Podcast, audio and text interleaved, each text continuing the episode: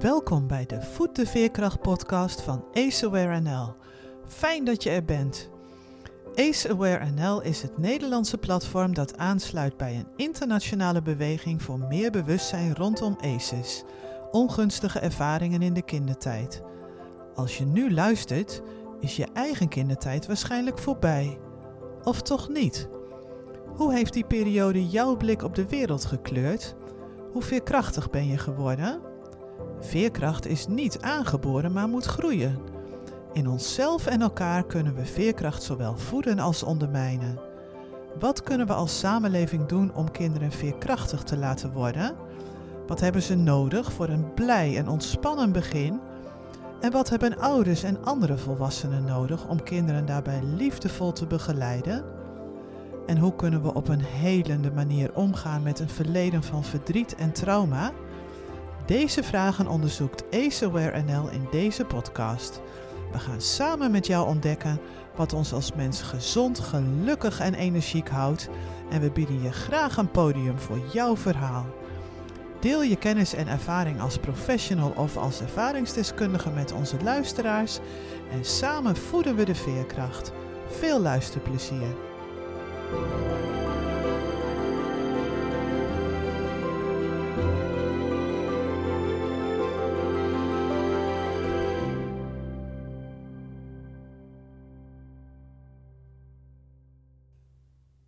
Het is het voorjaar van 2008 en we zijn met een heel stel collega's aanwezig bij het tweejaarlijkse Europese Lactatiekundige Congres, dit jaar in Wenen.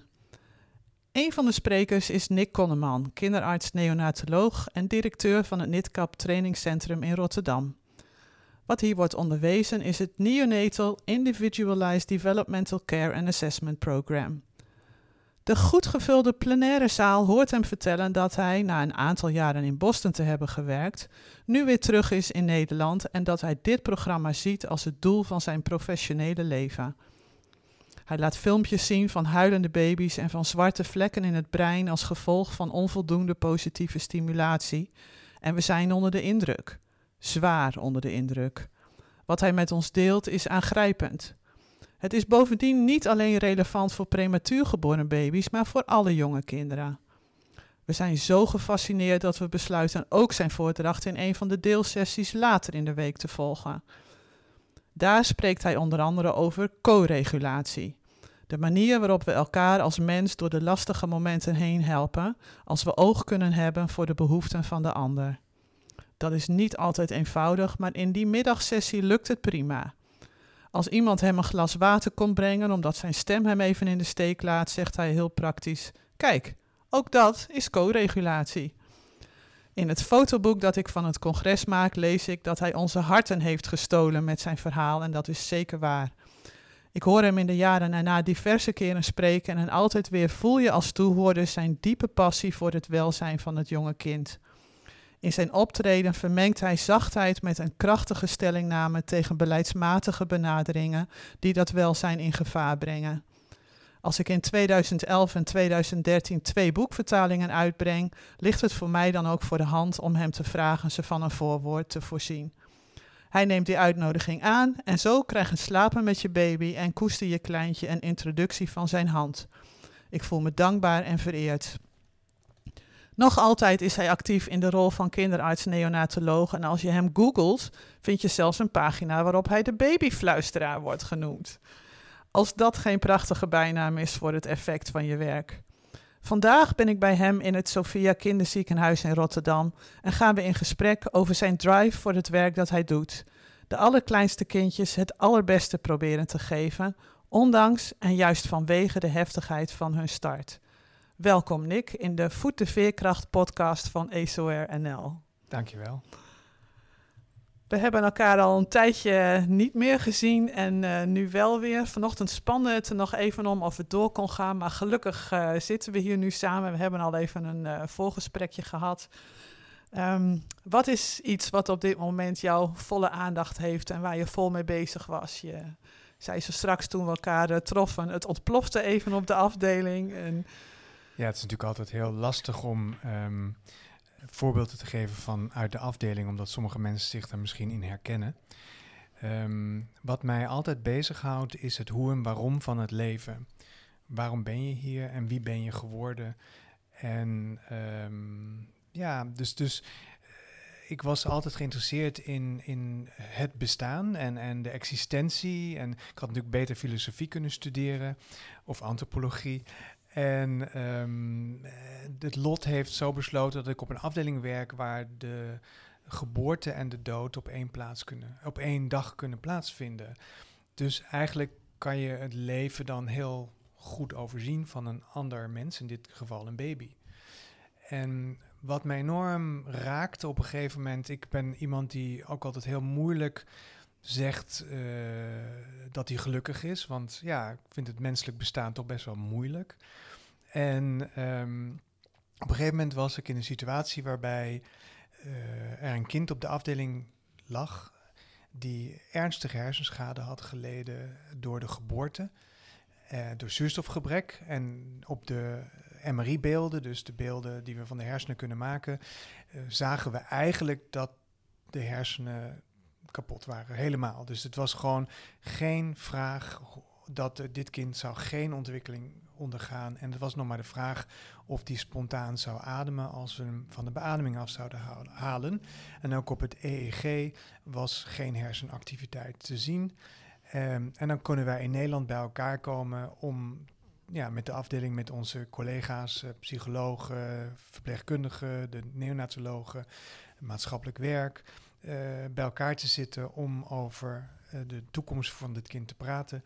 En als we dan tot de conclusie komen dat, het, ja, dat we eigenlijk medisch zinloos handelen, dan mag je in Nederland stoppen met de behandeling. Nou, wat er toen gebeurde was dat ik met dat besluit terugging naar de ouders. En ja, zij hadden ook door de afgelopen dagen, waarin ze dus eh, op de hoogte waren gehouden van de conditie van het kind. En ze zagen ook zelf dat hun kind eigenlijk niet reageerde, ook geen slikreflex had en geen pijnreflex had. Dus ja, die hersenen deden het echt niet meer. En uh, die ouders die um, ja, de, zeiden van oké, we, begrijpen het en, en we vinden het goed dat ja, jullie stoppen met de behandeling. En uh, dan kijken we, dan vragen we ook in overleg van hoe we dat dan gaan doen. En uh, we hebben een ouderkamer en we hadden besloten dat de ouders op de ouderkamer zouden zijn. En ik zou dan met de couveuse en het baby aan de beademing naar hen toe komen. En dan zou het kind in de armen van de ouders gelegd worden. En dan zou ik op de hand verder beademen totdat het moment zou komen dat we eigenlijk, vaak is dat zonder woorden, beslissen dat de buis eruit mag en dat we het aan het kind overlaten of die wel of niet kan ademen. Toen ik binnenkwam, toen wees de verpleegkundige naar een videorecorder die aanstond. En ik realiseerde me dat ik misschien wel de dokter van YouTube zou worden, die een buis uit een baby zou halen en daarmee, nou ja, dus ik, ik moest op dat moment een split second bedenken van... ga ik nu zeggen van nee meneer, mevrouw, deze videocamera moet uit. En ik dacht van ja, weet je, als zij daar behoefte aan hebben... dan vertrouw ik erop dat het goed gaat. En later kwamen ze voor een nagesprek. En toen zeiden ze het als een van de eerste dingen van... nou, u bent wel heel sport. U heeft drie kwartier op uw hurken gezeten uh, met, de, met, de, met de beademing. En toen realiseerde ik me eigenlijk dat die drie kwartier voor mij vijf minuten was geweest. Mm. Dus dat hele besef van tijd in zo'n speciale omgeving, dat dat verdwijnt.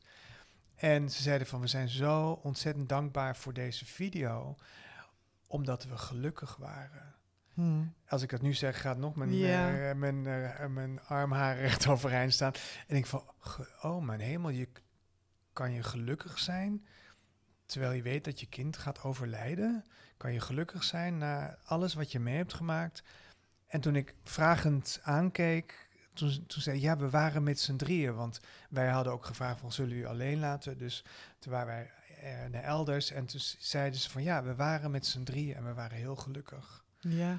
En dat zijn voor mij enorme, ja, belangrijke fenomenen eigenlijk in mijn leven. En die maak ik mee door het werk wat ik doe. Ja, ja, dat, dat is natuurlijk niet een doorsnee situatie die iedereen regelmatig meemaakt. Uh, je zegt, ik maak dat mee.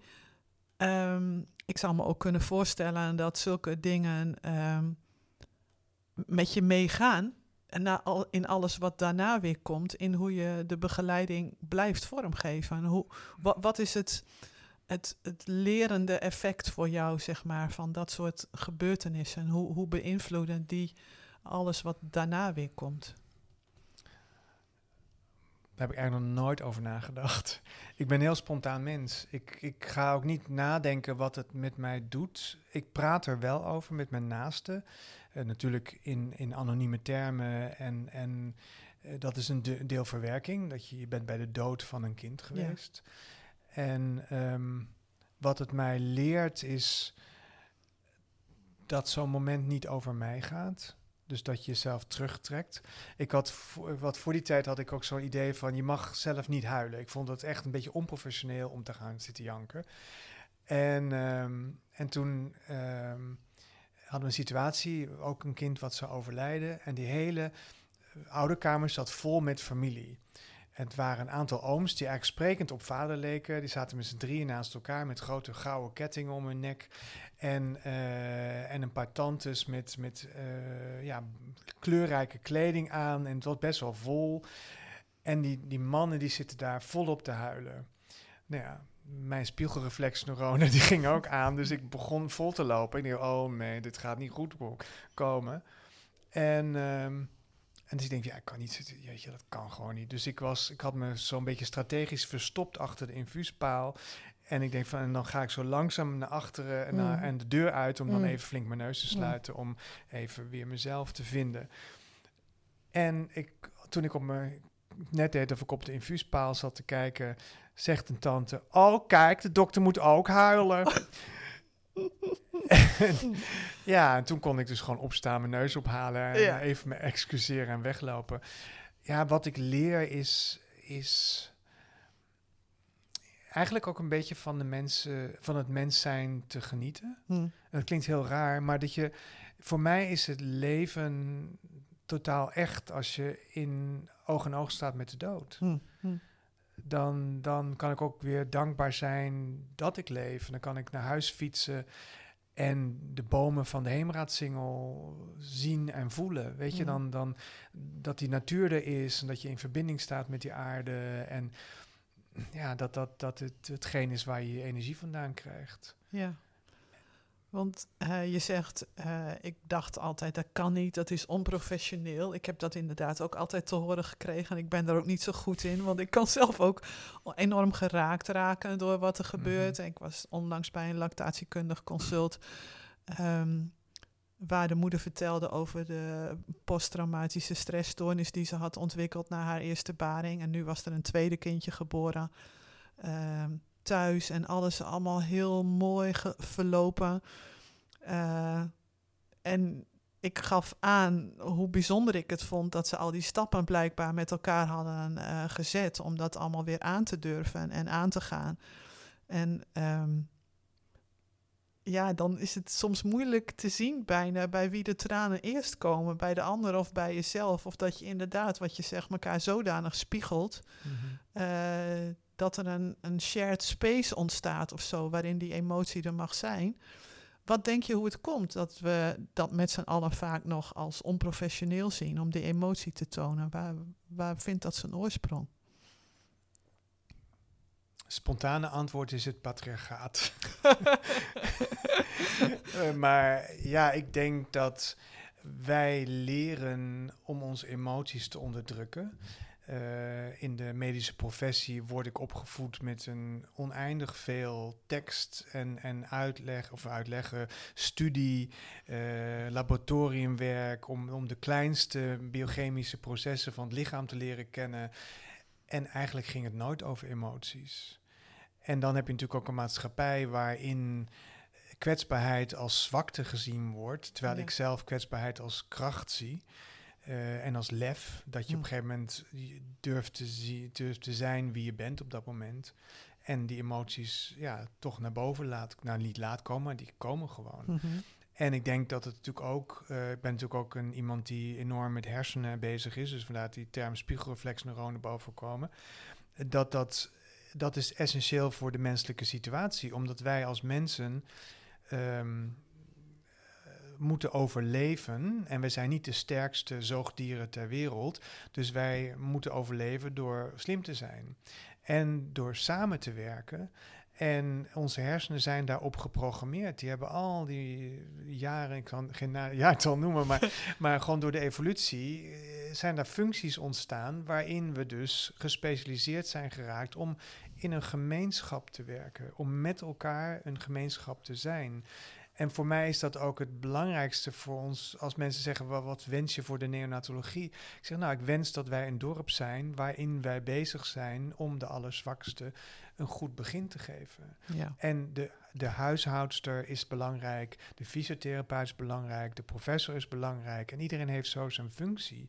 En dat is iets wat ik nog steeds heel moeilijk vind, is dat we niet accepteren dat we ook allemaal respect mogen krijgen, maar dat we niet hiërarchisch opgesteld hoeven te zijn. Hm. Je hebt natuurlijk wel leiderschap, maar leiderschap kan ook gewoon zijn dat, dat iemand zegt van nou, uh, er is een grote lekkage en ik heb hulp nodig en we gaan met z'n allen daar aan de slag. Of leiderschap is van, goh, ik heb een kind wat ik niet kan beademen, professor kan die even meekijken.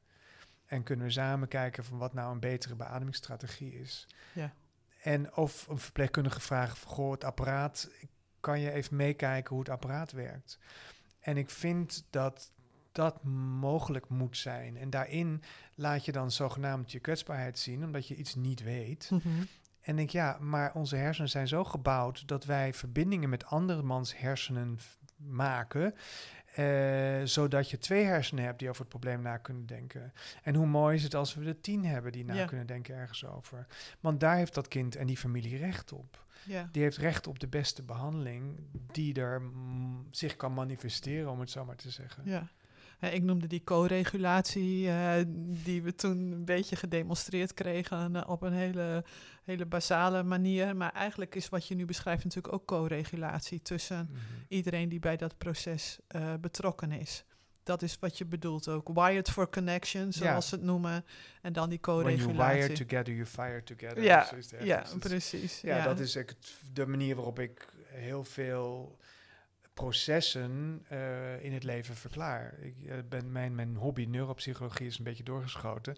Dus ik kijk altijd naar welke delen van mijn hersenen hebben welke stimulatie op dit moment nodig. En, en enthousiasme en een groepsproces, bijvoorbeeld voetballers die met z'n allen naar Feyenoord gaan en daar juichen. Dat, dat is een resonantieproces van al die hersenen bij elkaar. Mhm, mhm. En al die lichamen natuurlijk ook. Ja, en dat is natuurlijk, ja, ik, het is ook typisch weer dat ik alleen over de hersenen praat, omdat ja, mij zijn die emoties natuurlijk ook een beetje weggestopt. Ja, want we hadden in het voorgesprek eh, hadden we het al even kort over dat je de studie geneeskunde best lastig vond.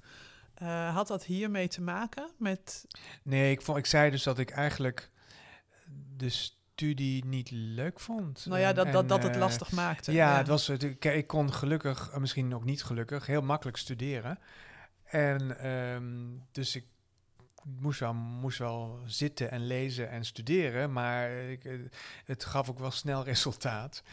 En, uh, maar ik, ja, ik, het was niet mijn, mijn basisinteresse als kind zei ik, omdat ik zelf in het ziekenhuis was geweest, uh, toen ik thuis kwam, zei ik, word ook dokter. En nou ja, er is geen enkele ouder die een kind daarvan afhoudt.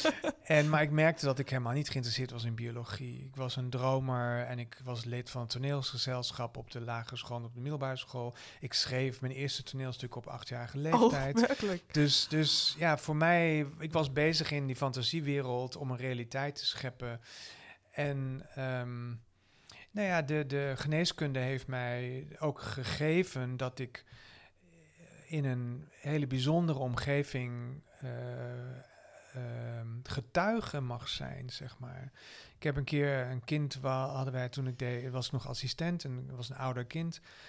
En die ehm, eh, had een hele grote tumor in zijn buik. Hij kwam eigenlijk op de poli met koortsklachten s'avonds. En bij het lichamelijk onderzoek voelde ik dus echt een, een, echt een hele grote bal in zijn buik. En uh, die was wel wat soepel. Het, het, voelde niet aan als, als kanker bijvoorbeeld. Maar ja, we wilden wel beeldvorming hebben. We wilden wel een echo hebben en noem maar op. En dat lukte eigenlijk niet op die dag, omdat alles vol zat. En het was ook niet heel erg dringend, of wel, dat wisten we nog niet.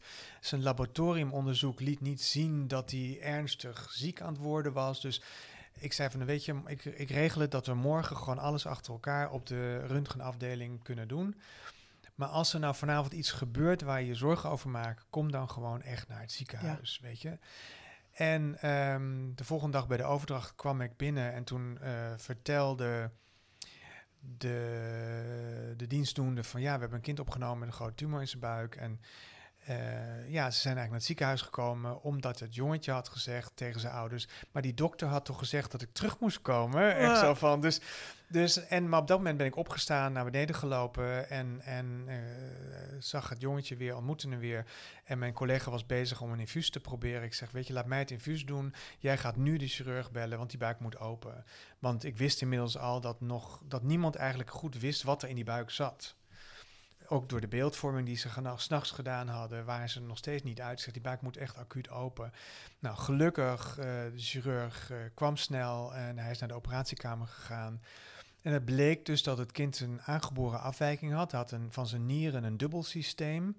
En het uh, kleine, kleine deel van het dubbele systeem uh, was geblokkeerd geraakt, waardoor dus de urine door de jaren heen was opgehoopt. En die, die zeg maar, de, normaal de, de urineleider die naar de blaas gaat, die was verstopt geraakt van het kleine systeem. En die was steeds groter, groter, groter geworden. Dus hij had eigenlijk een hele grote blaas. Mm in zijn buik zitten. Maar die was gaan ontsteken en die was een beetje gaan lekken. En door die lekkage naar buiten was het lichaam gaan reageren met koorts. Dus eigenlijk een hele ja, kantje boord situatie bijna. Ja. En uh, ik had nachtdienst daarna en dat kind lag daarna op de kinderintensive care om nabeademd te worden. En um, was, was, ja, moesten alle zeilen bijzetten. En uh, het was wel grappig. Ik, uh, ik heb een tijd ook alternatieve geneeskunde gedaan. Maar ik denk, ja, ik werk hier regulier. Dus ik moet gewoon reguliere dingen doen. Nou, alles op een rij. We behandelden hem helemaal regulier. En die moeder zei van, goh, kunnen we nog niet iets meer doen? En toen zei ik van, nou, ik stel me altijd voor dat hij, uh, hoe het eruit ziet over een week. Dus als ik hem zie, dan zie ik eigenlijk dat hij, in, dat hij mij een knipoog geeft. Nou, een vierjarige knipogen, dat is eigenlijk al niet, mm. niet makkelijk. Mm. En toen zei ik van, als u nou in uw hoofd, als u nou zich voorstelt dat hij helemaal gezond weer thuis is... en dat u een feestje voor hem met al zijn vriendjes... een soort verjaardagsfeestje gaat vieren... en gewoon in detail nadenkt over wat er allemaal gegeten wordt... hoe de tafel eruit ziet, de versiering, de hele mikmak... En uh, de dag drie ging het al beter met de beademing. En op een gegeven moment toen zegt de de kinderintensivist, uh, toen we de buis eruit hadden gehaald en het kind dus opgeknapt was, die zei ze van nou, wat hier gebeurd is, is echt een wonder. En ik kijk hem aan en zei, nou, ik ben zo blij dat ik nou echt eens een keer een wonder heb gezien. echt zo van. En uh, een paar dagen later was ik op de poling. Oh, ik moet even nog gedag zeggen, want hij was inmiddels naar de afdeling. En ik kom binnen en de, de, ja, er zijn wel dokters om zijn bed heen. was visiteronde. En ik denk, nou, ik blijf even wachten. En op een gegeven moment zie ik een klein koppie uit bed hangen en langs iemand kijken en ik krijg een vette knipoog van hem. Wauw. En, en ja, dus dat wonderbaarlijke, dat heeft de geneeskunde mij gegeven. Hmm. Dat je dus het, het, leven dus op heel veel verschillende dimensies kan zien. In feite van biochemische processen tot en met wonderbaarlijke processen. Ja. En dat is, ja, dat ben ik achteraf, is het altijd makkelijker, daar ben ik heel dankbaar voor. Ja, ja. Ehm, hij gaf je een knipoog. Heb je nog met hem gesproken? Heb nee, je, helemaal niet meer. Nee. nee. Je hebt hem ooit nog teruggezien? ook niet. Nee. nee. dat is wel soms waar je last van. Ik heb natuurlijk meer van dit soort verhalen. En um, ja, daar verlang je wel eens naar. Dat je, ja. dat is inmiddels al meer dan 30 jaar geleden, denk ik. Dus dat je denkt, van, nou, zal het een grote, sterke man geworden zijn. Dus ik ken wel één patiënt nog van vroeger, was op de intensive care afdeling. Uh, ook de vroeggeboren meisje.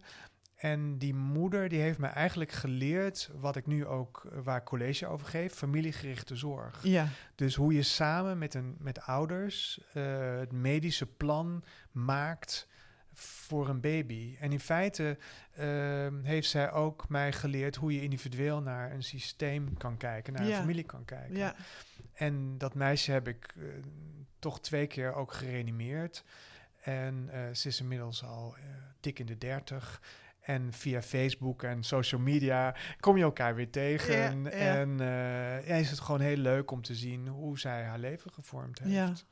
Ja, want we weten natuurlijk dat eh, bepaalde gebeurtenissen in die vroege fase, ook als ze eh, nog ja, preverbaal zijn zelfs, hè, wat voor jullie hier natuurlijk ook heel sterk het geval is met al die superkleintjes, eh, een indruk nalaten en zich op de een of andere manier in het weefsel van het lichaam eh, laten opslaan.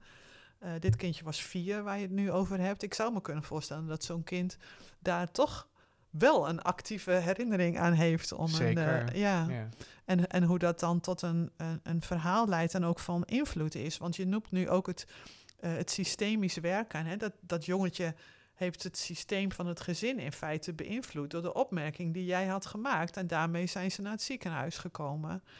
Ehm, systemisch werken, het, het geheel zien, dat, dat is voor jou ook echt de kern. Dus dat ge- gezinsgerichte of het gezinssysteem Ja. daarin meenemen en eh, dat samen doen. Nou, eigenlijk de essentie van de mens kunnen zien. Ja, En, en wat ze in Afrika zeggen, ik ben omdat jij bent. ja Ubuntu. Ja, Dus, dus eh, wij zeggen natuurlijk cogito ergo sum, wat ik Ja. toch een hele ja, eenzame gedachte vind. Ja. Maar, Ja. maar eh, ja, weet je, ik denk zo, dat is het unieke waarvoor je, ja, hoe je geboren bent. Ik kan, ik ga heel even zijstraat, de, de, ik ben natuurlijk iemand die naar de hersenen kijkt. We hebben zelfs bewezen dat gebeurtenissen invloed hebben op de vorming van je hersenen. Dat is het werk dat ja. ik in, samen met Heidelise Als eh, in Boston heb mogen doen. Dat dat newborn individualized developmental care, dus dat je dus observeert wat een kind aan het doen is qua gedrag. En dat je dus het kind helpt om het positieve gedrag ja, eh, eh, voor elkaar te krijgen. Ja, Dus die, die, dat is zo eenvoudig als de hand naar de mond brengen, of de voetjes op elkaar houden, of Mm. in een lekkere houding liggen. mhm. Of nog beter, gewoon bij je moeder tussen de blote Mm. borsten liggen. ja. En die oxytocine, de, de knuffelhormoon, zijn Ja. werk laten doen. Dus de hersenen, dat heb ik onlangs weer bijgeleerd, eh, hebben eigenlijk drie soorten mechanismen voor de ontwikkeling van hun hersenen. Je hebt iets wat genetisch, wat dus geboren is. Dat zit in je genen, in je DNA. Eh, als die eicel en die spermacel bij elkaar komen, nou, dan gaan die cellen gaan aan het werk en die vormen op een gegeven moment weefsel wat later de hersenen vormen. Dat is een voorgeprogrammeerd iets. Dus stap voor stap worden die hersenen eigenlijk gebouwd. Mhm. En eh, dat is een, een genetisch proces en dat gebeurt. En, en, en op een gegeven moment dan zijn de hersenen toe aan de volgende stap. En dat betekent dat de omgeving van de hersenen eh, invloed hebben op de vorming van de hersenen. Door de sensaties die vanuit je zintuigen naar de hersenen doorgeleid worden. Om een voorbeeld te geven, eh, hoe heet nou? Ehm, eh, vruchtwater eh, heeft een bepaalde smaak. Nou, en die, die smaak, dat kind ligt, dat is gewoon letterlijk om, ondergedompeld in vruchtwater. En de, de papillen, de smaakpapillen ontwikkelen zich op een gegeven moment en die hebben een verbinding met de hersenen. Maar als jij dus in een omgeving ja, die hersenen verwachten, dus dat er smaaksensaties naar de delen komen die daarmee aan de slag moeten in het hoofd. Zelfs met gehoor. Als jij op een gegeven moment je gehoorsorgaan, die binnenoor ontwikkelt, van lage tonen naar hoge tonen. eh, als je geen lage tonen krijgt, ja, dan, dan stoor je de ontwikkeling in feite. Nou, dus die, dat ook als jij... Als, Critical window of development, Ja, zeg maar. dus ja. je, de hersenen hebben dus een zintuigelijke input nodig Nodig, ja. om zich te ontwikkelen. Want als die cellen niet gestimuleerd worden, die dus genetisch daar liggen, Mhm. ja, als je er niks mee doet, dan raak je ze kwijt. Ja, Eh, als je eh, aan de hand van daarvan kan je ook weer verder specialiseren. En dan heb je dus een, een derde vlak is. Dit, dit is wat je nu noemt, is dan eigenlijk epigenetisch, hè? Nou, Of nee, dat is nog daarvoor weer. Kijk, de genetisch is gewoon Ja. dat, de bouw van die hersenen. En dan heb je dus je zintuigelijke waarnemingen die de hersenen verder vormen. En epigenetisch is gewoon veel meer daarvoor nog. Van hoe, hoe eh, komt dat DNA tot expressie en welke neurotransmitters komen dan vrij. En maar dat is ook onder invloed van omgevingsfactoren. Ja, maar hoe dat Ja. precies in elkaar zit, dat weten we volgens mij Mm. nog niet helemaal goed. Oké, maar ik ben benieuwd naar die derde dan. Ja, dat zijn dus dingen die jou overkomen, Hm. waar de hersenen niet om gevraagd hebben. Een heel nadelig iets is bijvoorbeeld een moeder die totaal gestresseerd is Hm. tijdens haar zwangerschap. Dus die hersenen zitten niet op al die stresshormonen van die moeder te wachten. En, maar die zijn er op een gegeven moment wel. En die hersenen doen er wat mee. Maar die stresshormonen waren niet essentieel voor de vorming van die hersenen. Nee. Maar als je dan op een gegeven moment zo'n gebeurtenis hebt, ja, die vormen op een gegeven moment het orgaan wat reageert op stress, dus je amygdala. Nou, die wordt pas echt rijp in je achtste maand hè, van, Hmm. de, van de zwangerschap. Dus in de achtste maand heb jij dus een orgaan wat jou in, de, in je verdere leven bijstaat om continu te beoordelen of een omgeving veilig is voor jou of onveilig. Of jij een toenaderingsgedrag vertoont of verwijderingsgedrag. Of jij je fright en flight en fight mechanisme aanzet. Dat is je amygdala. En die heeft acht maanden, doet hij erover om een beetje goed te ontstaan. In een omgeving die eigenlijk totale vertrouwen en veiligheid moet hebben. Dus dat betekent dat je moeder eh, goed te eten krijgt, dat de placenta, de mo- de moederkoek go- goed functioneert, zodat je eh, dat de, genoeg zuurstof krijgt, genoeg voedingsstoffen. En dat je moeder gelukkig kan zijn. Mhm. Weet je, kan genieten van de dikke buik en zich kan verheugen op haar kind. Ja. En dat is in feite wat de amygdala nodig heeft om een gezonde ontwikkeling te hebben. Om een ontwikkeling te hebben dat je geboren wordt met een gevoel van ik kan deze wereld aan. Ja. Ik heb een goed gereedschap om verder te komen. Want de hypothalamus die daarnaast zich ontwikkelt, die heeft een aantal jaren nodig om zich verder te ontwikkelen. Dus als jij zegt van de gebeurtenissen worden opgeslagen in je lichaam, er gebeurt ook zoveel in die hersenen. Ja, En dat ja. kunnen we aantonen. Ja. We kunnen zien hoe groot is die amygdala, hoe functioneert die, hoeveel invloed heeft die op je bijnieren om stresshormonen te maken in het lichaam. Ja. Dus als je kinderen hebt die dus eh, door omstandigheden een kleinere eh, moederkoek hebben. En moeder heeft hoge bloeddruk bijvoorbeeld. En de, de doorbloeding van de, van de moederkoek is niet voldoende. En de zuurstof is niet voldoende. En jij kan niet heel goed uitgroeien. Wat we zien bij eh, zwangerschapsvergiftiging bijvoorbeeld. Ja, dan staat die amygdala aan van tuut, ik heb eh, zuurstofgebrek. En, en Continu alarm. een alarmsituatie. Dus als dat kind geboren wordt, zal die in de rest van zijn leven sneller reageren met alarmsignalen op de omgeving. En dan heb je dus het punt, die, amygdala, die gaat op een gegeven moment aan van er is een bedreiging, op welke manier dan ook. En de prefrontale cortex, dus het voorste gedeelte van je hersenen, in feite de hersenen waar je mee na kan denken, die kunnen de amygdala afremmen. Die kunnen zeggen, joh, het is een slang, maar in Nederland hebben we helemaal geen giftige slangen. Hoef niet bang te zijn, gewoon doorlopen, geen probleem, laat die slang lekker zijn gang gaan. Eh, ja, voor iemand met een slangenfobie is dat wat lastiger. Maar je kan dus ook op een gegeven moment een stimulans krijgen die zo heftig is dat de amygdala op zijn beurt of haar beurt de prefrontale cortexfunctie onderdrukt. Dus als jij in die baarmoeder gewoon een hele krachtige signaal hebt, dan is het voor jou heel moeilijk om in een stresssituatie weer tot rust te komen. Of in die stresssituatie te kunnen gaan nadenken over wat er echt aan de hand is. Ja. Dus ik denk dat dat, naast het feit dat je in je lichaam alle dingen, dat, dat weet ik gewoon niet. Maar in die hersenen gebeurt al genoeg waar je de rest van je leven mee bezig kan Ja. zijn. Nou ja, ik bedoel ook dan inderdaad de stresshormoonreactie die daar via de HPA-as dan op volgt. Die zet al die organen eigenlijk aan het werk en Ja. op scherp. Ja. En eh, ik vind het mooi wat je nu net eh, vertelt, want je illustreert hier natuurlijk ook heel duidelijk mee dat.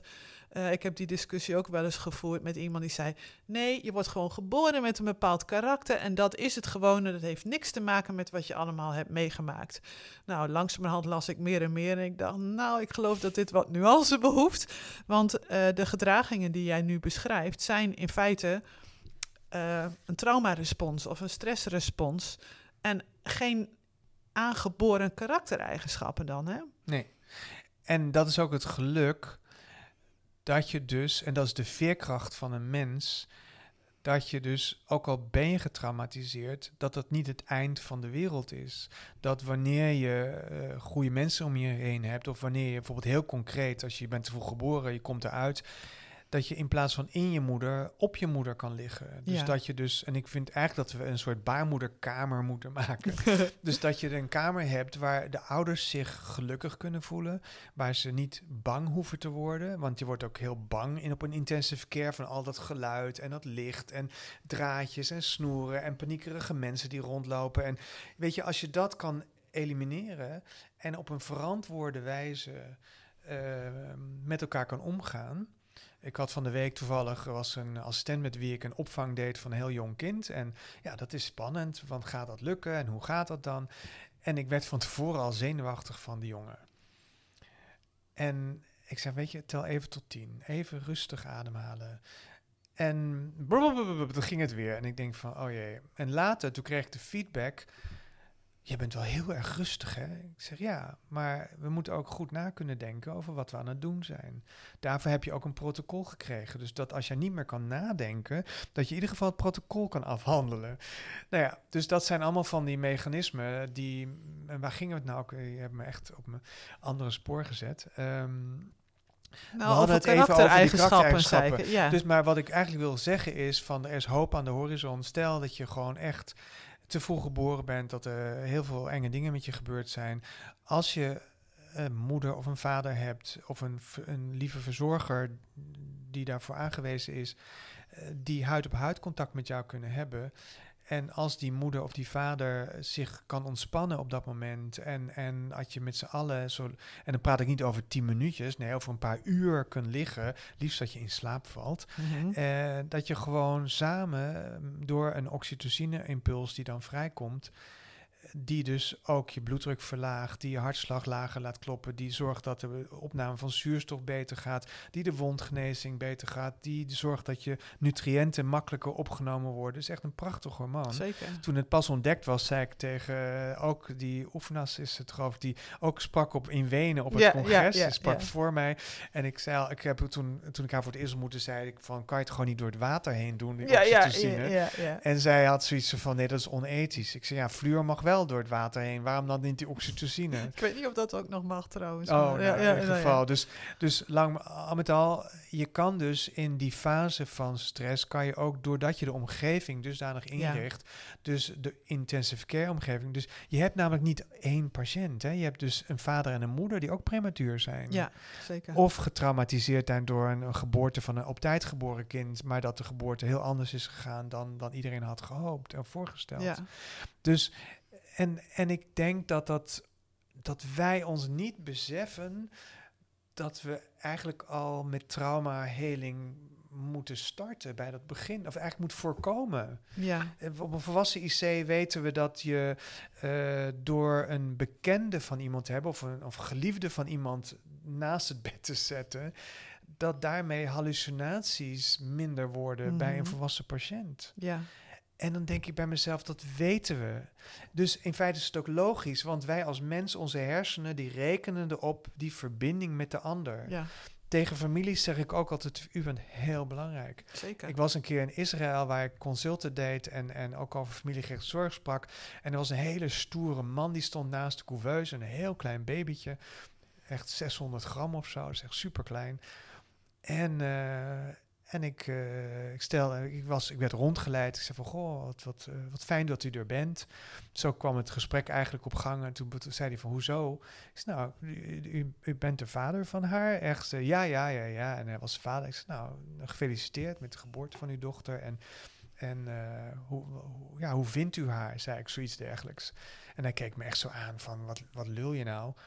Ik zei van, ja, ik, ben, ik, ik denk dat zij heel blij is dat u er bent. Hoezo dan? Ik zei, nou, ik denk dat zij uw aanwezigheid voelt. Echt zoals ik uw aanwezigheid Mhm. voelt, zal zij dat ook voelen. En Mm.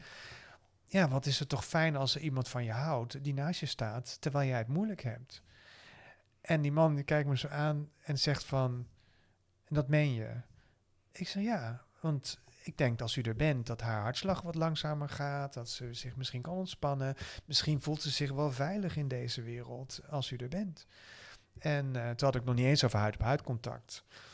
Nou bleek dat ik tegen een hele gespecialiseerde militair aan het spreken was, die uh, naar huis belde. En toen hebben ze zijn veldspullen gehaald. En hij is dus drie maanden op de intensive care gebleven. Hij ging alleen maar weg om te plassen. Oh. En om af en toe wat te eten. En hij is daar gewoon dag en nacht naast gebleven. Om, ik denk ook dat hij ook... Dat je dus als mens op een gegeven moment ook voelt wanneer iets voor jou bestemd is, wanneer de woorden resoneren, wanneer, waar je, waarin je uh, erkend en herkend wordt. Dat hij in zijn, in zijn, misschien had hij dat gevoel ook wel, maar kon hij dat met niemand delen. En op een gegeven moment is er iemand die dat tegen hem zegt. Ja. Die dan echt. Dat zegt, voor hem als een legitimatie voelde om er dan ook werkelijk te zijn. Totaal. Ja. Totaal. Ja, en dat is mooi, want je zegt we weten dat allemaal. Hè? Dus er wordt natuurlijk heel veel gesproken over uh, evidence-based werken. Ja. Uh, mijn indruk is dat er heel veel bodies of evidence zijn die nog niet zo actief worden ingezet bij allerlei beleid. Hoe kijk jij daarnaar? Dat is een cultureel iets. Ik heb op verschillende afdelingen gewerkt. En in sommige afdelingen zijn bepaalde medicijnen gewoon not done. En andere afdelingen die, die gooien ermee. En die mensen lezen allemaal dezelfde evidence. Dus ik zeg ook al tegen jonge dokters: wie ben jij? Kijk, vroeger was ik wat roekelozer, ik ben nu wat ouder. En, maar ik ben een alles of niets mens. Weet je, ik geef of de maximale dosering of ik geef het niet. Zo zat ik in elkaar. En, en ik heb geleerd, omdat je in een groep werkt, om ook. Want de meeste mensen zijn voorzichtig in het leven.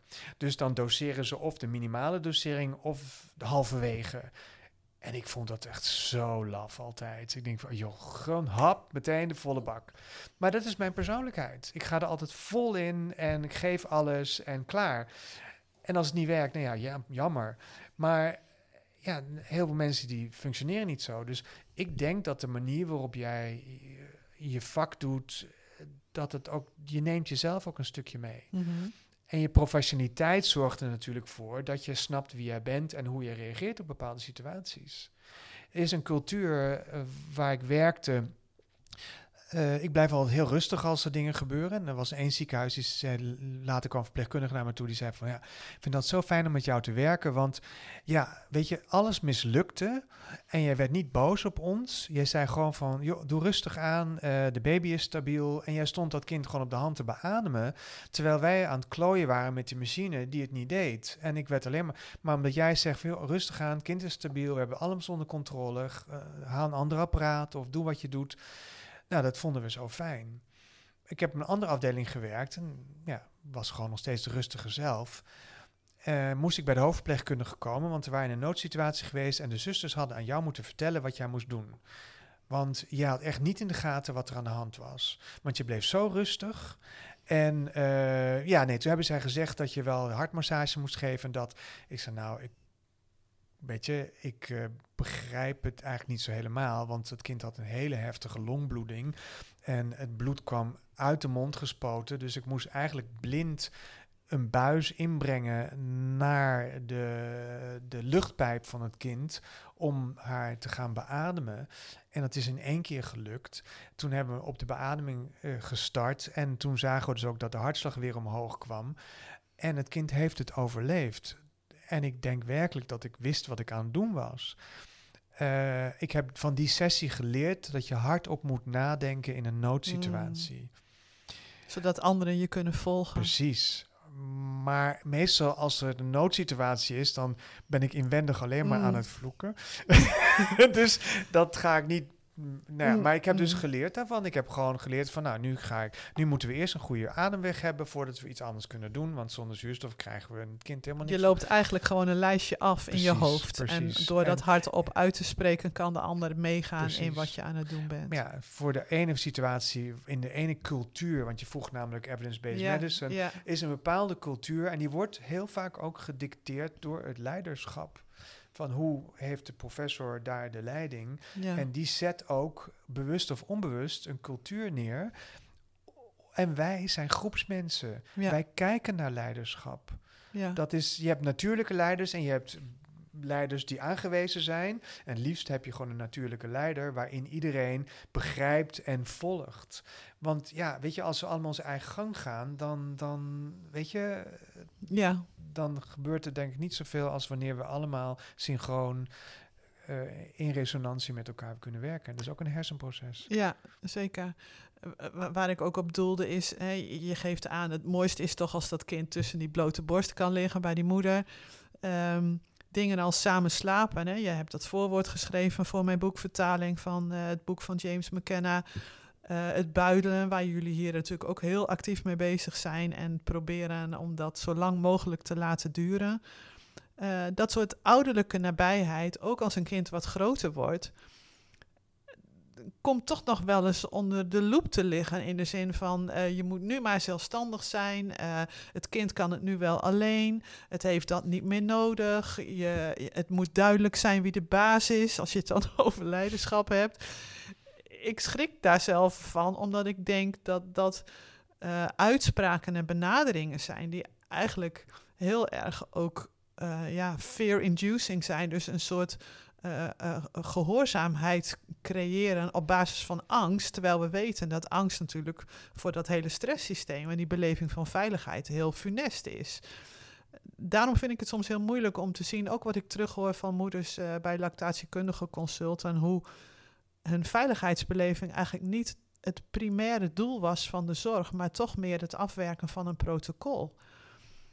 Eh, daar mis ik dan toch die evidence-based eh, benadering, omdat we dat soort dingen wel weten. Het probleem met evidence-based is dat je naar bij een groep van duizend mensen gaat kijken en dan hoop je dat 60% eh daar iets positiefs uithalen. Maar dan heb je altijd nog 40% over. Ja, Ik ben heel erg, natuurlijk, van evidence-based en ik vind dat het heel, heel goed is om dat fundament te hebben. Maar je hebt ook nog gezond verstand om naar het individu te kijken. En als ik hoor van, ja, dan doen we dit of doen we dat, of het kind moet dat kunnen, en dan denk je van, wie is dit kind? ja. Dus ik denk dat je eerst een kind moet ontmoeten of een ander mens moet ontmoeten. Je moet weten waar die is voordat je überhaupt hulp kan geven. En misschien wil die helemaal geen hulp. En dat is ook een deel van zijn of haar proces op dat moment. We hebben wel eens een, ik doe ook APIPS, dat is Assessment of, nou, het wordt een beetje laat. Ehm, dus dan, dat is een Assessment of Infant Behavior. Dus dan kijk je naar het gedrag van het kind en dat zijn kinderen rond de uitgerekende datum. Dus dan zijn ze 41, 42, 43 weken en dan doe je een geprotocoliseerd eh, test. Dat is een neurologisch onderzoek, maar het is ook een interactief onderzoek.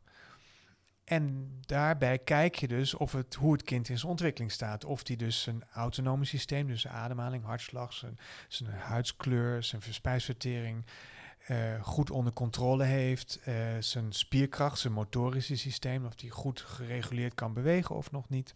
En zijn bewustzijn, eh, kan die je aankijken, kan die contact met je maken. En dat allemaal in een omgeving. En hoe reageert dat kind dan op die omgeving? Nou, daarin ontmoet je dus een bepaalde individualiteit. Maar zelfs bij een kind van 42 weken heb ik wel eens moeten zeggen tegen ouders: zegt het woord koppig u iets? En die moeder kijkt me echt zo aan. En zei ze, oh ja, ik ben eigenlijk ook wel een beetje eigenwijs. En eh, ik zei, uw dochter heeft het uitgevonden. dus dan zie je eigenlijk al bij een baby van twee, drie weken na de geboorte...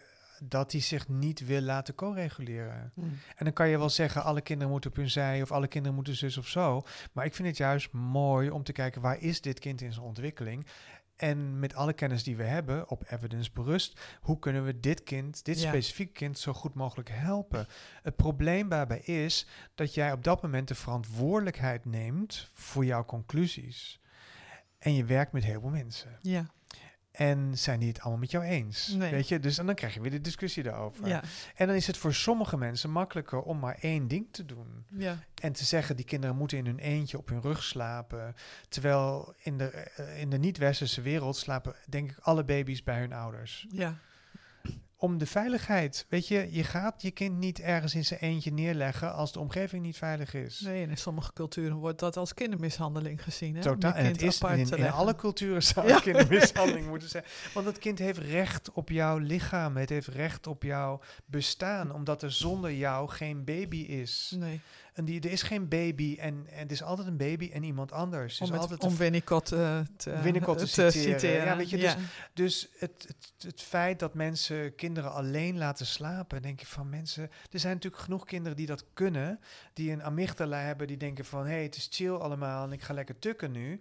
Maar er zijn ook die denken van, "Huh, wat gebeurt er? Waar is mijn Ja. moeder? ja, ja. En die moet je dan laten huilen. En wat er dan gebeurt, is dat je dus dat kind zo in de fear-situatie dwingt, dat hij stopt met, ja, die alleen maar bang is. ja. En, en ja, vluchten kan hij nog niet. En Nee, vechten ook nee. niet. Dus nou, vechten is dan huilen en gillen. ja. Maar daarna, weet je, dan is het een soort stil zijn. En dan denken wij van, oh, hij lekker, ligt lekker te slapen. Nee, hij ligt gewoon bang te zijn. Te dissociëren. Totaal. Ja. En nog erger is, als je hem dan eerst lekker als een rollade ingewikkeld hebt met zijn handen naar beneden. Nou, echt in Amerika, je ziet heel veel van die foto's op social media voorbij komen en dat doet mij pijn. Gewoon pijn dat een kind is ingewikkeld zonder zijn handen bij zijn gezicht te kunnen brengen. Als troost bedoel je, als Ja, als zelfregulatie. co-regulator. Ja. Vanaf zijn zevende week zwangerschap heeft hij al input van cellen rond zijn mond gekregen. Dus die hersenen, waar we het eerder over gehad hebben, hebben geleerd van er zijn cellen ergens en die staan aan. En op een gegeven moment bij tien weken gaat de binnenkant van je handen meedoen. Dus dan kan die zijn hand op zijn wang leggen en dan kan die daarmee een signaal creëren. Die Ja. anders was dan de andere signalen die hij daarvoor kreeg. Dus eigenlijk vanaf de tiende, twaalfde week zwangerschap leren kinderen een hand-mond contact te maken. En dat ga je na de geboorte weghalen? Hmm, Nou, dat vind ik echt mishandeling. ja. Echt, ik, ik kan daar gewoon helemaal overstuur van raken. Nou, ik, ik, ik gaf laatst twee eh, gastlessen en toen liet ik de stilface van Edward Tronic Oh. eh, zien. En toen barstte er ook iemand eh, in tranen uit. Ik kan het zelf eigenlijk ook nog altijd niet goed zien. Ik krijg er ook buikpijn van. Maar wat we daarin zien en wat jij net ook in een aantal dingen noemt. ehm, we zouden een baarmoederkamer moeten organiseren, zeg je. Eh, het gaat dus altijd over het systeem en over de context. Hè. We spraken toen ik zo straks aankwam ook even over het feit dat jullie ehm, een eh, heel groot deel van Nederland verzorgen voor eh, de kinderen die met problemen ter wereld komen. En dat dat in een gebied is waarin ook veel armoede is en veel ongeletterdheid. Ehm, dat laat natuurlijk nog sterker het systemische element zien van gezondheid. Hè? Als je kijkt naar hoe daarover gesproken wordt, dan wordt het vaak ge- gedepolitiseerd in de zin van het is een individuele verantwoordelijkheid om gezond te blijven en je moet niet dit en je moet niet dat. Maar voor heel veel mensen is het toch heel, blijkt het heel moeilijk te zijn om in hun sociale omgeving eh, zodanig gedrag te ontwikkelen, met soms de beperkte mogelijkheden die ze daartoe hebben, om verantwoordelijkheid eh, te nemen voor die eh, gezondheid. Ehm, hoe, hoe zouden we als samenleving ehm, het aantal kinderen dat afvloeit naar jullie, zoals je het noemde, eh, wat omlaag kunnen brengen? Het is door de Wereldgezondheidsorganisatie een van de doelstellingen dat armoede de wereld uit moet. En armoede haal je de wereld uit door educatie. En, en op alle niveaus. Weet je, ook al kan je niet zo makkelijk leren, dat je gewoon leert over de wereld en wat goed, goed en slecht voor je is. En dat, dat en, en dan dat daar, ja, daar heeft, is geld voor nodig. Ja, Dus, dus als jij in een omgeving eh, woont en leeft waarin je dus met moeite de eindjes aan elkaar kan knopen en er geen geld beschikbaar is voor dat kleine beetje extra, ja, dan is je wereld beperkter dan wanneer je dus wel mogelijkheden hebt Ja. om je wereld rijker te maken. En nu spreek ik eigenlijk meer over landen buiten Nederland, waar we zijn natuurlijk relatief natuurlijk een heel rijk land. Of eigenlijk niet relatief, we zijn gewoon een rijk Hm. land. En, eh, maar als je dus echt naar, naar Sub-Sahara gaat kijken, waar de meeste premature kinderen ter wereld geboren worden, of op het Indiase continent, waar eh, ook heel veel premature kinderen geboren worden, waar gigantisch veel armoede is. En ik denk als we daar de economie kunnen ondersteunen, doordat mensen eh, ja, zichzelf beter kunnen verzorgen, eh, doordat ze werk hebben, doordat ze geld kunnen hebben om, om, om, om hun levensonderhoud te voorzien, dat dan ook de prematuriteit waarschijnlijk omlaag gaat. Ja, dus allemaal aan de fairtrade producten bij de supermarkt, zodat mensen ook een eerlijk inkomen kunnen verwerven ik denk mondiaal. dat het gewoon veel, veel rigoureuzer moet. Ik Ja. denk dat we gewoon, ja, dat is heel politiek dan, dat we de, de staatsschulden die de Afrikaanse landen hebben gewoon moeten wegschelden. ja. en naar een nieuw evenwicht moeten gaan kijken. Maar dat is natuurlijk doodbenauwend, omdat heel veel van die, van die handelsembargo's en, en deals en noem maar op gemaakt zijn om ons te beschermen. Ons, Ja. ons Westen, die, ja, weet je, niemand wil in armoede leven. En als je eenmaal die rijkdom die wij elke dag ervaren hebt, die ga je echt niet inleveren. Nee, niet vrijwillig. Nee, Dus, dus, dus er is een hele grote verantwoordelijkheid voor de mensheid. En daarom gaat het zo langzaam. Om, om gewoon, ja, weet je, ik, de wereld te verbeteren. Als je op een gegeven moment ziet dat het gezondheids, het, het, voedselprobleem de wereld uitgeholpen kan worden met 7 miljard. En dat er iemand op deze aarde rondloopt die dat bezit heeft. En liever naar Mars gaat. Dan denk ik bij mezelf van heb je Mars wel eens gezien? Nou, als jij zo nodig naar Mars gaat, ga dan in de woestijn in Iran of, of, of in, in, de, in de Sahara of in de Negev of noem maar op. Ga in de woestijn leven, dan, dan heb je het nog beter dan op Mars. En je kan helemaal niet op Mars leven, omdat de zwaartekracht gewoon zo anders is dat het heeft, heeft invloed op ons lichaam, waardoor onze spieren ver- eh, ja, Mhm. verdwijnen. En eh, weet je, ik kan er met mijn verstand ook niet bij. Dat er nog zoveel op onze aardbol te doen is. En, Wat is er eh, nou ja. mooier dan onze aarde? Weet je? Ja. nou ja, eh, ik, ik, ik zat te denken aan ehm, het, het, het kip-ei-verhaal ook een beetje als het gaat om, om armoede en trauma en tegenslag. Eh, wat is er eerst? Hè? Want ehm, eh, er wordt vaak gezegd, een laag inkomen is een heel belangrijke factor als het gaat om gezondheid. Ik denk altijd, hoe komt het dat mensen een laag inkomen hebben? Wa- wa- wat is het wat het moeilijk voor ze heeft gemaakt om, eh, om een baan te vinden met een fatsoenlijk salaris? Dat heeft te maken met hoe we dat als maatschappij eh, vormgeven en waarderen, maar ook met eh, wat voor ja, opleidingsachtergrond of mensen die arbeidsmarkt opgaan. Ehm, je sprak over die neocortex en niet kunnen nadenken. Trauma en vroeg in de levensfase heeft natuurlijk ook invloed op de mate waarin we in staat zijn om later in het leven kennis te verwerven en sociale vaardigheden te ontwikkelen. Ehm, ja, jij zei al, ik werk heel intuïtief. Ik, ik zou me kunnen voorstellen op zo'n afdeling als hier, want ik ben hier ook geweest voor een fotoshoot voor het boek Koester je kleintje. Ik moest daar de hele tijd aan denken van alles wat je hier kunt doen met die oxytocine van eh Chestin Oefenas Moberg, waar je het over had, en alles van lichamelijk contact. Dat zijn allemaal bijdragers aan een goede start en aan eh, een kind uit die armoede houden. Is dat iets, want je zei ook, ik geef veel les. Zijn dat thema's die voorbij komen of zijn dat toch meer de fysiologische onderwerpen en de neurofysiologische onderwerpen die jij eh, onderwijst? Of plaats je het ook in dat grotere kader? Ja, ik, als ik, ik praat natuurlijk over familiegerichte zorg. Ik, ik heb dat hele kader. Ja. En ook het maatschappelijke aspect benadruk ik ook. Van hoeveel zwangerschapsverlof gun jij jonge ouders? Bijvoorbeeld, ja. ja. en, en, en dat is een maatschappelijke vraag. En dat is een economische vraag. En, en, en een heel sterk politieke vraag dan Totaal, daarmee natuurlijk ja. ook. Ja. En dat is, als, kijk, als jij op een gegeven moment eh, kinderen wil gaan verzorgen, wil gaan reanimeren, die bij 24 weken ter wereld kom, komen of nog veel eerder. En dan praat je over een extreem te vroeg geboren kind, die een andere hersenontwikkeling ondergaat uh, dan wanneer die in de baarmoeder was gebleven. Dus die, die dingen meemaakt, ja, bijvoorbeeld om simpel te zeggen, een koude lucht langs je, langs je rug. Ja, die maakt, dat krijg je niet in de baarmoeder. Dus dat betekent dat er een prikkel is gekomen in die hersenen, die die hersenen moeten verwerken. Nou, nou, nou, nou noem ik een onschuldige prikkel, maar je wil gewoon zorgen dat die kinderen in de grootst mogelijke veiligheid opgroeien, maar dan nog uh, gaan hersenprocessen toch anders, omdat ze eigenlijk al bij, bij de, per definitie overgestimuleerd waren ja. vanaf het moment dat ze uit die baarmoeder komen. En net een voorbeeld geven. En dan, um, dan vormen die hersenen zich en we weten dat de hersendelen, dus de, de, bijvoorbeeld de spraakkern of, of de kern waar je kijkt of waarmee je uh, dingen hoort, eh, of de voorkant van je hersenen, dat al die kernen zijn bij prematuur geboren kinderen net even kleiner dan als je op tijd geboren bent. En daar liggen dus fysiologische processen, voedingsstoffen, hormonale processen, al dat soort dingen ten grondslag, maar ook ervaringen. Want welke ervaringen heeft die hersenen gehad?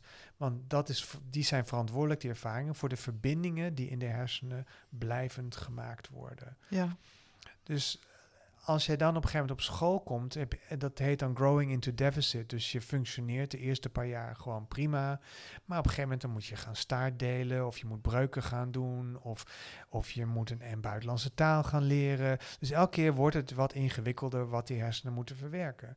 Als je dan moeite hebt om een focus te hebben, om een werkgeheugen te hebben, wat ervoor zorgt dat jij kan luisteren naar je onderwijzer, waarop je kan zorgen dat jij genoeg detail kan zien op het bord om, of eigenlijk moet ik niet zeggen zien, maar details kan verwerken. Mhm. Dat je dus gewoon de taal, de manier waarop er geschreven wordt, dat je dat kan herkennen. Ja, daar is veel hersenarbeid voor nodig. Ja, ja, ja. En, en ehm, als je dan in je hoofd ook eh, verbindingen hebt die ja, daar niets mee te maken hebben of die je er alleen maar van afleiden, wordt het gewoon lastig op school. ja. Dus er komt een moment dat je op een gegeven moment iets niet kan. Bij mij is dat hogere wiskunde, dat kan ik echt niet, moet je niet met me aankomen. Maar zo heeft iedereen dingen die hij niet kan. ja. En de vraag is natuurlijk van wanneer komt dat moment? En word je tegengehouden door je omgeving? Mijn ouders vonden het belachelijk dat ik naar het gymnasium wilde. En ik mocht dus ook niet, omdat ze vonden dat er allemaal gekke kinderen op zaten. Maar dat zij een gek kind zelf hadden, nee, dat zagen ze niet. dus, dus de omgeving zegt dan, je gaat niet naar het gymnasium. Eh, in sommige gezinnen dan is, is vader naar de arbeidsschool gegaan of naar de LTS in de tijd. Ja. En opa en overgrootvader die hebben allemaal op de fabriek gewerkt. ja. Dus hoe haal je het in je botte kop om te bedenken dat jij danser wil worden of dat je een zangcarrière wil of Ja. noem maar op. Iets wat niet in de traditie. Dat is hetzelfde als bij kinderen die uit artsenfamilie komen, die generatie op generatie op generatie het beroep van hun familie hebben. Je dat moet is geen bouwvakker worden. Dat is die omgeving. En ja, hoe ga je daarmee om? En als je op een gegeven moment, we hadden van, van de week weer een geval, het kind was 12. En die liep tegen bepaalde situaties in school aan die ik kon verklaren door zijn prematuur, prematuriteit. Maar waar kan dat kind hulp krijgen in Nederland? Niet bij mij. Ik heb een poli die alleen maar tot vijf jaar gaat. En daarna wordt het niet meer gefinancierd. Nee. Omdat en hoe, hoe kwam dat kind toch bij jou eh, terecht? Of- Nou, omdat die ouders gewoon ja, de stoute schoenen aantrokken Mm. en onze polykliniek belden Ah. en zeggen van goh, we zitten, we lopen tegen bepaalde dingen Ja. aan. En eh, kunnen we daarmee geholpen worden? Ja, nou ik vind dat een mooi punt wat je noemt. Hè. Die ouders die spelen natuurlijk een hele belangrijke rol in die zorg. Heb je ook al aangegeven. Ook zo'n vader die dan eh, zijn bivak opslaat naast de couveuse. Je sprak in ons voorgesprek ook even over het hele idee van arts en de identiteit die daaraan gekoppeld is, terwijl je eigenlijk naast die mensen wilt staan en beslist niet eh, daarboven. Maar veel eh, ouders zullen een arts toch eh, met die identiteit bedelen. Waarschijnlijk de dokter weet het wel en als die het zegt, dan moeten we het zomaar doen. Als je dan ook nog te maken hebt met een populatie eh, waarmee misschien eh, de taal nog een barrière kan zijn, of inderdaad allerlei stressvolle situaties in de thuissituatie. Hoe pak je dat aan? Hoe lukt het om die ouders eh, mee te krijgen in ook jouw wens om hen te horen en hen ideeën te laten aandragen en om hen die eigen autonomie aan de dag te laten leggen en dat kind te begeleiden zoals dat past eh, in hun cultuur of in wat dat kind nodig heeft en dat allemaal te begrijpen. Want we hebben het nu over die kindjes die een achterstand oplopen, maar veel ouders hebben misschien om wat voor reden dan ook, ook eh, zijn ook grown into deficit en moeten dan dealen met zo'n complexe situatie. Hoe, hoe, hoe pak je dat aan? Door je mond te houden. Door je mond te houden. En gewoon oprecht te luisteren. Ik ben opgevoed als dokter eh, met van dat ik alles moet weten en dat ik de oplossing moet aanbrengen. En als dokter ben je een zender, want je gaat met ouders praten en je vertelt eigenlijk alles wat aan hun kind niet deugt. Want daarvoor ben je Mm. ingehuurd om het dan weer beter te maken. Ja, Toen ik in, in Boston ging werken als ontwikkelingspsycholoog bij Heidelise Als, moest ik in de tweede week met, ik zou met ouders moeten praten. En dus ik zeg tegen haar van, goh, ja, ik moet met die ouders praten. En, of nee, zij zei, jij moet met die ouders praten. En ik keek haar aan en ik zeg van, maar wat moet ik dan, wat moet ik dan zeggen? Weet je, ik had net die rol van ontwikkelingspsycholoog. En wat zegt een ontwikkelingspsycholoog dan? En ehm, toen keek ze me aan en zegt ze van, maar wie zegt dat jij wat moet zeggen? Dus zij heeft me eigenlijk geleerd dat je ook een gesprek kan, dat je juist een gesprek kan hebben door te luisteren naar iemand. Dus ja, ik geef mensen informatie, maar ik vraag vaak als ik ze voor het eerst ontmoet van hoe gaat het met jullie? En soms in hele moeilijke beslissingen van, weet je, ik heb uw dossier gelezen, ik heb uw verhaal gehoord van de, van de gynaecoloog, van de verloskundige. Uh, ik begrijp wat er aan de hand is, maar ik wil graag van u horen wat er aan de hand is. Hmm. Ik wil graag horen ja, waar u zich zorgen over maakt, waar u mee gekomen bent. En dan hou je mond. Ja. En er was een keer een hele moeilijke beslissing. Een tweeling, eentje was heel klein, de andere was gewoon goed gegroeid. En die kleine had problemen. En die ouders moesten beslissen, moeten we de kinderen laten komen met een keizersnede... of gaan we wachten met het risico dat dat kleine kind zou overlijden in de baarmoeder. Ja. Nou, dat is natuurlijk een ongelooflijk moeilijke beslissing. Mhm. En en die ouders wisten heel goed mij uit te leggen wat er aan de hand was. En die snapten ook precies waar de beslissing over ging. Dus ik kijk die moeder aan en die vader aan. En de vader is een techneut en de moeder was een advocaat. En ik zeg maar, hoe neemt u nou in uw leven een beslissing? Hoe doet u dat? Op andere vlakken. Ja, ik, dat, ik heb niet eens andere vlak. Even Nee, maar in zijn de- de- algemeenheid. De, kunst, de Ja. kunst is om het zo min mogelijk in, in te vullen. Want jij Mm. vult het nu al meteen in, zo van andere vlakken, in zijn algemeenheid. Nee, hoe neem je een beslissing? En dan laat je die ander, op welk vlak dan ook, of hoe dan ook, zelf maar bepalen hoe het antwoord is. Dus doordat je dus gewoon heel neutraal iets vraagt, zonder hulp daarbij, ja, met mijn gevoel. En wat zegt uw gevoel dan? Ik ga dus niet invullen, oh, voelt u zich dan? En heeft u buikpijn of heeft u hartpijn of heeft u... Nee, gewoon, maar hoe voelt u zich? Wat, wat zegt uw gevoel? Wat voelt u dan? Toen zei ze, nou, dat we voor allebei gaan. Ik zei, nou, doen we dan toch? En als u vannacht wakker wordt en u denkt van, oh, wat heb ik nou weer gezegd? Gaan we gewoon weer een andere beslissing nemen. Hm. En als u morgen, overmorgen wakker wordt en u zegt van, nou, dit gaat niet, dan, weet je, En die moeder was opgenomen? Of? was opgenomen in het ziekenhuis. Nou, ze heeft het heel lang volgehouden. En ik dacht elke keer, ik moet even langslopen. En toen op een gegeven moment haalde de tijd mij in, want er waren de kinderen geboren veel later. In goede, goede gezondheid. Allebei. Allebei. En, en eh, ja, die kleine was nog steeds hartstikke klein. En die had natuurlijk ook een andere amygdala-functie, Mm. maar daar zijn we pas later achter Mm. gekomen. Ik had het wel al verwacht natuurlijk, maar, maar ehm, ja, kijk, dat is ook hun wens, hun Mm. hartewens. Die zegt van nee, ik, niet van ik, ik wil geen risico lopen en, en we gaan nu die kinderen geboren laten. Of van ik, ik wil eigenlijk die kleine niet. Of weet je, nee, ze Mm. wil allebei die kinderen. En ze snapt ook dat ze een risico loopt. Ja, Maar ze wil het op die manier. ja, En, die, en die man, haar man steunt haar daarbij. ja. En dat zijn dus dingen, ja, hoe ga je dat doen als iemand die laaggeletterd is? Was een keer een Marokkaanse mevrouw uit het eh, Berbergebied die midden in de nacht beviel van een 28 weker, geen Hollands sprak. En ja, de afdeling opkomt, haar kind ligt aan de beademing.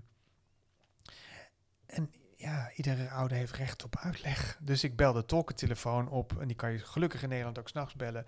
En ik krijg een tolk en ik praat met de tolk. En ik vraag om dat verhaal dan ook in het Arabisch of in het Berbers te vertellen. Nou, dat doet hij. En zo hebben wij de telefoon overgegeven, dus pre-corona. konden we de telefoon aan elkaar geven en dat gesprek houden.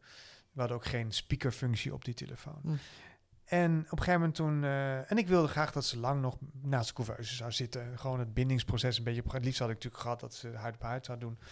Maar op dat moment was dat toch niet mogelijk. En ehm, dus ik vraag hem ook van... Kan je even vragen of ze thee wil met heel veel suiker? En, en we geven de telefoon door en... Ze keek me echt aan van, hè?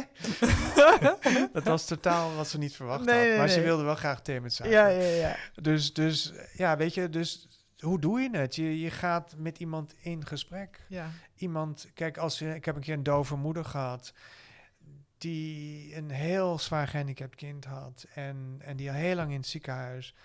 En op een gegeven moment gebeurde er weer wat ernstigs in het leven van dat kind. En ik heb een dove tolk gezocht.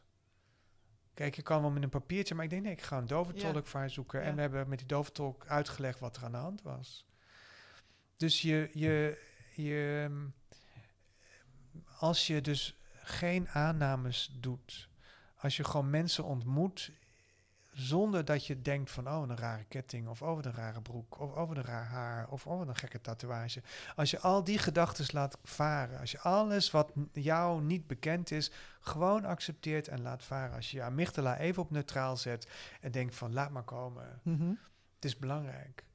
En dat die mensen dan ja, gewoon jou aankijken en ook voelen dat ze veilig zijn en dat ze alles mogen zeggen. Ja. En dat is denk ik het wonder van het menselijk contact. Mijn mantra is ook de verbinding. Ja. En ja, ik ben echt ja, dol op iedereen eigenlijk. ik kan, ja, Jammer dat ze weer weggaan na een poosje. Ze blijven bij je. ja.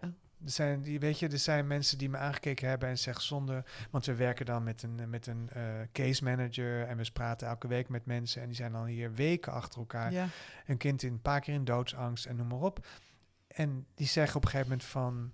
We zijn, zonder, zonder jullie hadden wij, hadden wij het niet gered.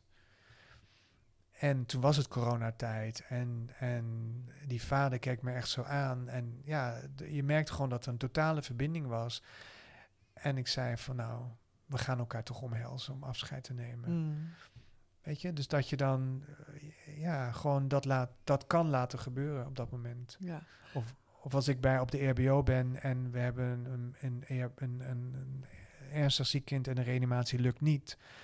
En die ouders komen van huis en die hebben dat kind weg zien gaan in de ambulance en die sterft bij ons. En dan hoef ik eigenlijk alleen maar daar te zijn en die moeder aan te kijken met ogen van uw kind is dood. Dan hoef ik het niet eens te zeggen. En dan valt ze letterlijk in je armen. En dan hoef ik alleen te zeggen, het spijt me heel erg. Ja. Ja. En dat moment blijft bij je. Ja. ja, Ja. dat zijn heftige dingen natuurlijk. En je geeft ook aan, ehm, eh, je moet er eh, zijn voor die ouders. Eh, je moet je oordeel on hold zetten. Ik moet niks. nou ja, ik moet, wil, maar ik ja, ik- wil. ja, nee, je wilt. Maar voor het beste resultaat is het belangrijk dat ik je kan. nou, dat is wat ik eigenlijk wilde bevragen. Van dat vraagt natuurlijk ook van ons als zorgverleners. dat we een diepe introspectie doen van waar raak ik op getriggerd?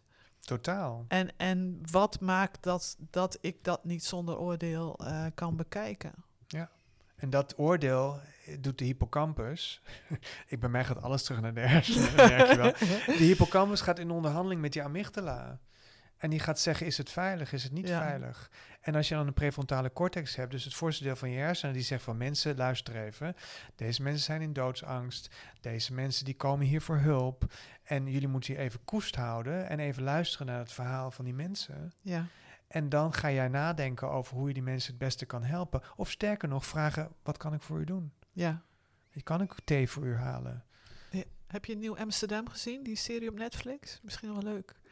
Hij over zegt, die eh, ingewikkelde dokter of zo. Ja, how can ik- I help? Ja, dat vind ik altijd... Ik, om naar dokterseries te kijken, vind ik altijd moeilijk. Ja, dat zal moeilijk zijn, ja. Ja. Maar het, het, het uitgangspunt van how can I help, eh, dat, dat is natuurlijk op zich wel, want dat is eigenlijk wat je zegt, van wat heb je nodig? Maar dan moet je niet alvast met een hulppakketje in je hoofd klaarzitten. Nee, nee, nee. Want nee, dat doen heel veel mensen. Hè? Ja. Hoe kan ik helpen? En dan zegt iemand iets en dan komt er een pakket over ze heen... waar ze gewoon helemaal niet op zitten te wachten. Nee. Dat is die padvinder die een mevrouw ziet... en die dan samen met die mevrouw een drukke weg overgaat... en dan zegt van, wat kan ik voor, nog meer voor u doen? En dan wijst ze naar de winkel die aan de andere kant van de straat was. Want daar was ze naar op zoek. Hm.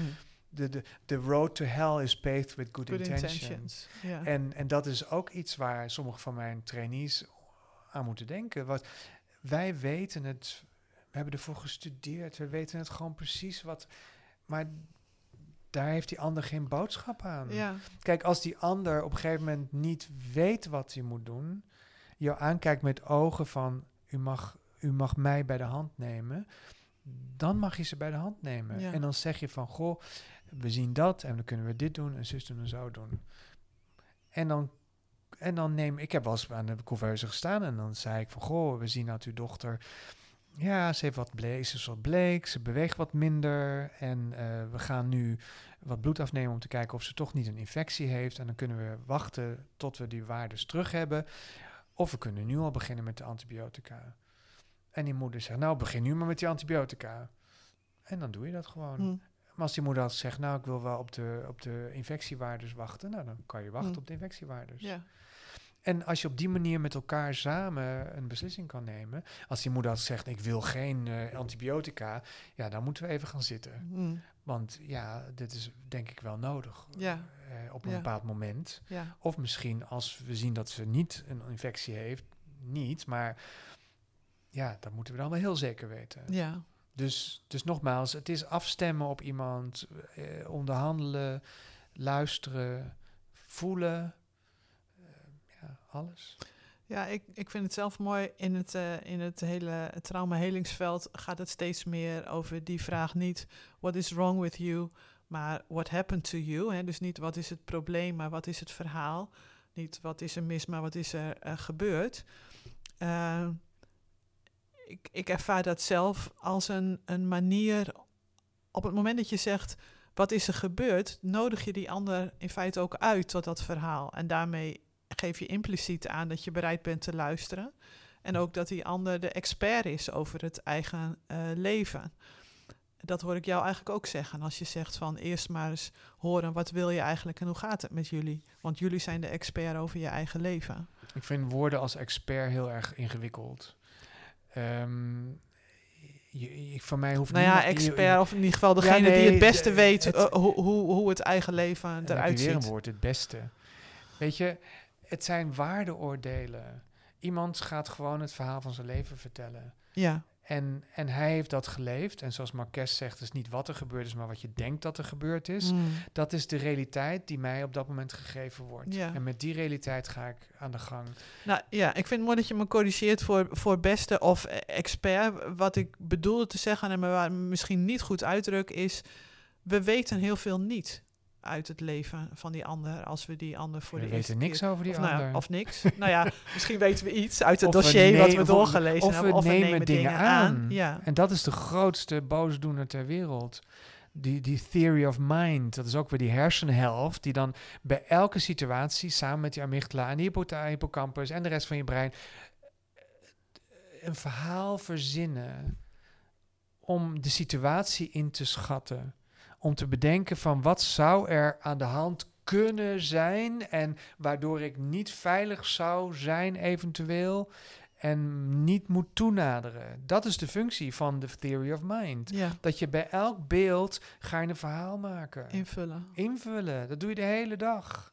Weet Is ook functioneel natuurlijk in heel veel situaties. Nou ja, ja, ja, kan je zeggen. Ik accepteer dat niet, maar, maar je accepteert dat niet. ja, het heeft wel een keer geleid tot een hele desastreuze situatie waarbij ik wist dat ik beroofd zou worden en in elkaar geslagen zou worden.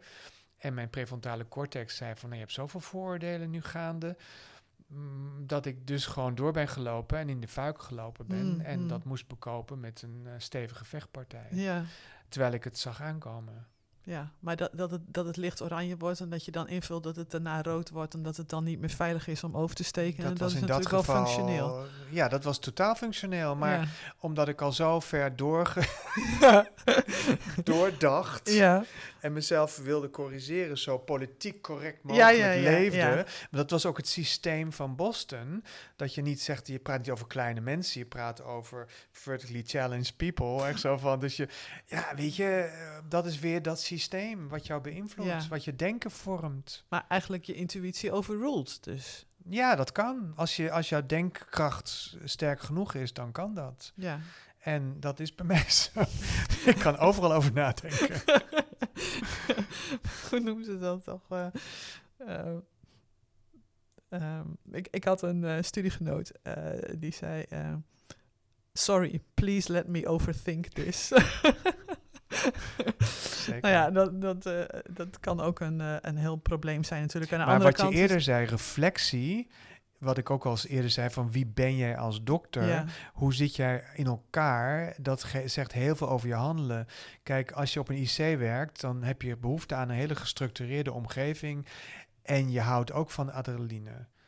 En je houdt ook van gevaar en, en je houdt ook van dingen doen. En misschien heb je wel een Jezus-complex dat je mensen tot het leven wekt, zeg maar. Weet je, dus... En dat zijn allemaal hele sterke beelden, eh, maar je moet ze een keer uitspreken. En in ons onderwijs wat we geven, we doen ook Family Integrated Neurodevelopmental Education, waarbij we praten over familiesystemen, waar we praten over hersenontwikkeling, over gewoon pure functies in de... van hoe doe je dingen met kinderen. En wij vragen daar ook van observeer bepaalde handelingen en reflecteer daarover. Wij zijn, wij, dus Monique Ouderijmer, uh, die uh, dit, samen met Inga de, en, en Esther van der Heijden dit programma geschreven hebben, die waren eigenlijk, we waren eigenlijk een beetje gechoqueerd dat als je vraagt naar hoe was dit voor jou, dat we bijna nooit antwoord kregen. Dat er dan, uh, als ze zagen dat bijvoorbeeld een kind te buidelen was gelegd, of uh, nou, die handelingen, dat iemand dan schreef van ja, en toen werd ze te buidelen gelegd. Dus dat als reflectie vertelden zij weer over wat ze gezien hadden. Maar niet wat zij, dat ze vertederd waren, of dat ze boos waren op het mm. geklungel van de vader, of dat ze uh, blij waren dat het weer gelukt was, of, de, of, of, of angst hadden dat het kind misschien uh, zou stoppen met ademen op dat moment, uh, een adempauze zou maken. Dat soort dingen werden niet verteld. Maar je gaf ook aan, hè, die onderdrukking van emoties komt in de, was in de studie heel prominent aanwezig. Dus dat is wat je dan eigenlijk terugziet in zo'n reflectie die eigenlijk geen reflectie is. Ja. Maar hoe kan je nou iemand... Observatie. Ja, hoe kan je iemand zien zonder dat je weet wie jij bent? Zonder dat je weet met welke ogen jij kijkt? Waar ik je nu twee keer, drie keer verteld van, van nou ja, weet je, je, kan, je vult het al een beetje in. Ja, weet je, als je weet dat je dat doet, dan... Ik heb er ook heel hard aan gewerkt om op een zo neutraal mogelijke manier gewoon er te zijn. Ja. En soms wil ik er gewoon zijn. Ik heb een keer was een, was een echtpaar wat eh, geconfronteerd werd met een ongelooflijk ziek baby, waarvan wij op een gegeven moment dachten van nou, dit is eigenlijk medisch zinloos. En zij met de arts waarmee ze spraken gewoon, ja, gewoon hun hak in het zand. En die arts had ook gezegd van ja, het is ook af en toe of ik tegen de muur spreek als ik met die mensen praat en zo. En, uh, en toen hadden we de beslissing genomen. En de mensen die dus direct bij betrokken waren, die waren helaas de, de volgende dag uh, niet aanwezig, omdat ze elders functies hadden. En, uh, en, ik was beschikbaar en ik zei van, weet je, ik ga wel met die mensen praten. En uh, ik had die mensen, die waren geïnformeerd dat de volgende dag uh, er een gesprek zou zijn met mij, met dokter Konneman. En uh, toen ik ze ochtends zag, ben ik even langs gegaan. Ik zei van, goh, ik heb om tien uur een afspraak met jullie en ik kom jullie dan halen. En als ik iets later ben, ik ben je niet vergeten.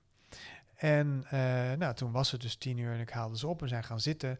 En ik zei van, ik wil eigenlijk graag van van jullie allebei horen welke vragen je hebt, waar, welke vragen u heeft, of, eh, of welke gedachten u heeft. En, um, en moeder begon dus het verhaal te vertellen. En vertellen, wat kan ik voor u doen, in feite, wat ik toen zei ik dat.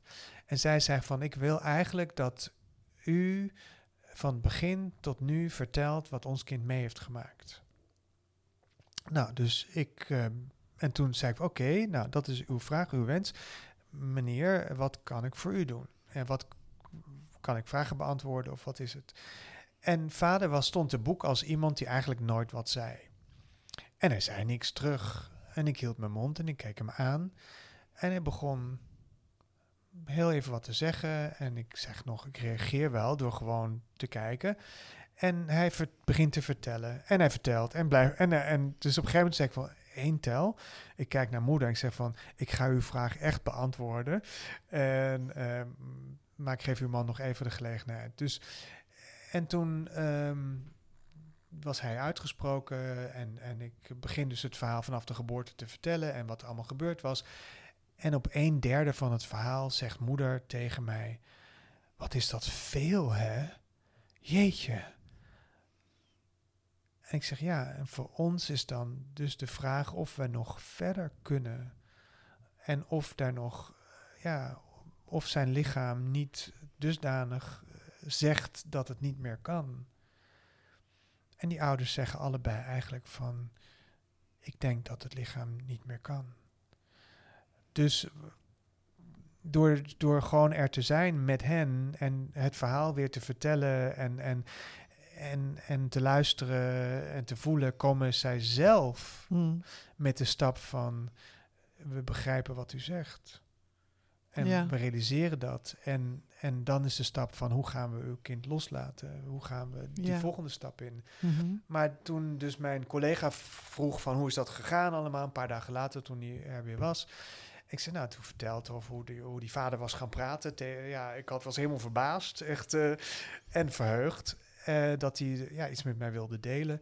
En ook die vraag van moeder. En, en toen zei hij dus weer van, goh, ja, ik had altijd het idee dat er een muur tussen ons in stond. Ik zeg, ja, en zeg je dat dan ook tegen die mensen? Zeg je dan niet tegen ouders van, goh, ik heb echt het gevoel dat ik u niet bereik. Dat er een muur tussen ons in staat. En dan kan je natuurlijk ook bedenken dat het misschien jouw muur is. Mm. Weet je, wiens muur is dit? En, eh, maar door daarover te praten, ja, kom je misschien een stuk verder. Ja, Dus dat zijn dus dingen maar die... dat je- vraagt ook moed. Ja, dat, dat, dat vind ik altijd zo lastig dat mensen zeggen, ja, het vraagt moed. Ik denk dat het is, het is, het is, het is noodzakelijk. Zeker, maar hè, we hadden het over kwetsbaarheid. Eh, ik weet dat Brené Brown zegt: eh, kwetsbaarheid kan niet bestaan zonder moed. Want als je onkwetsbaar zou zijn, was er niks moedigs aan om te doen wat je doet.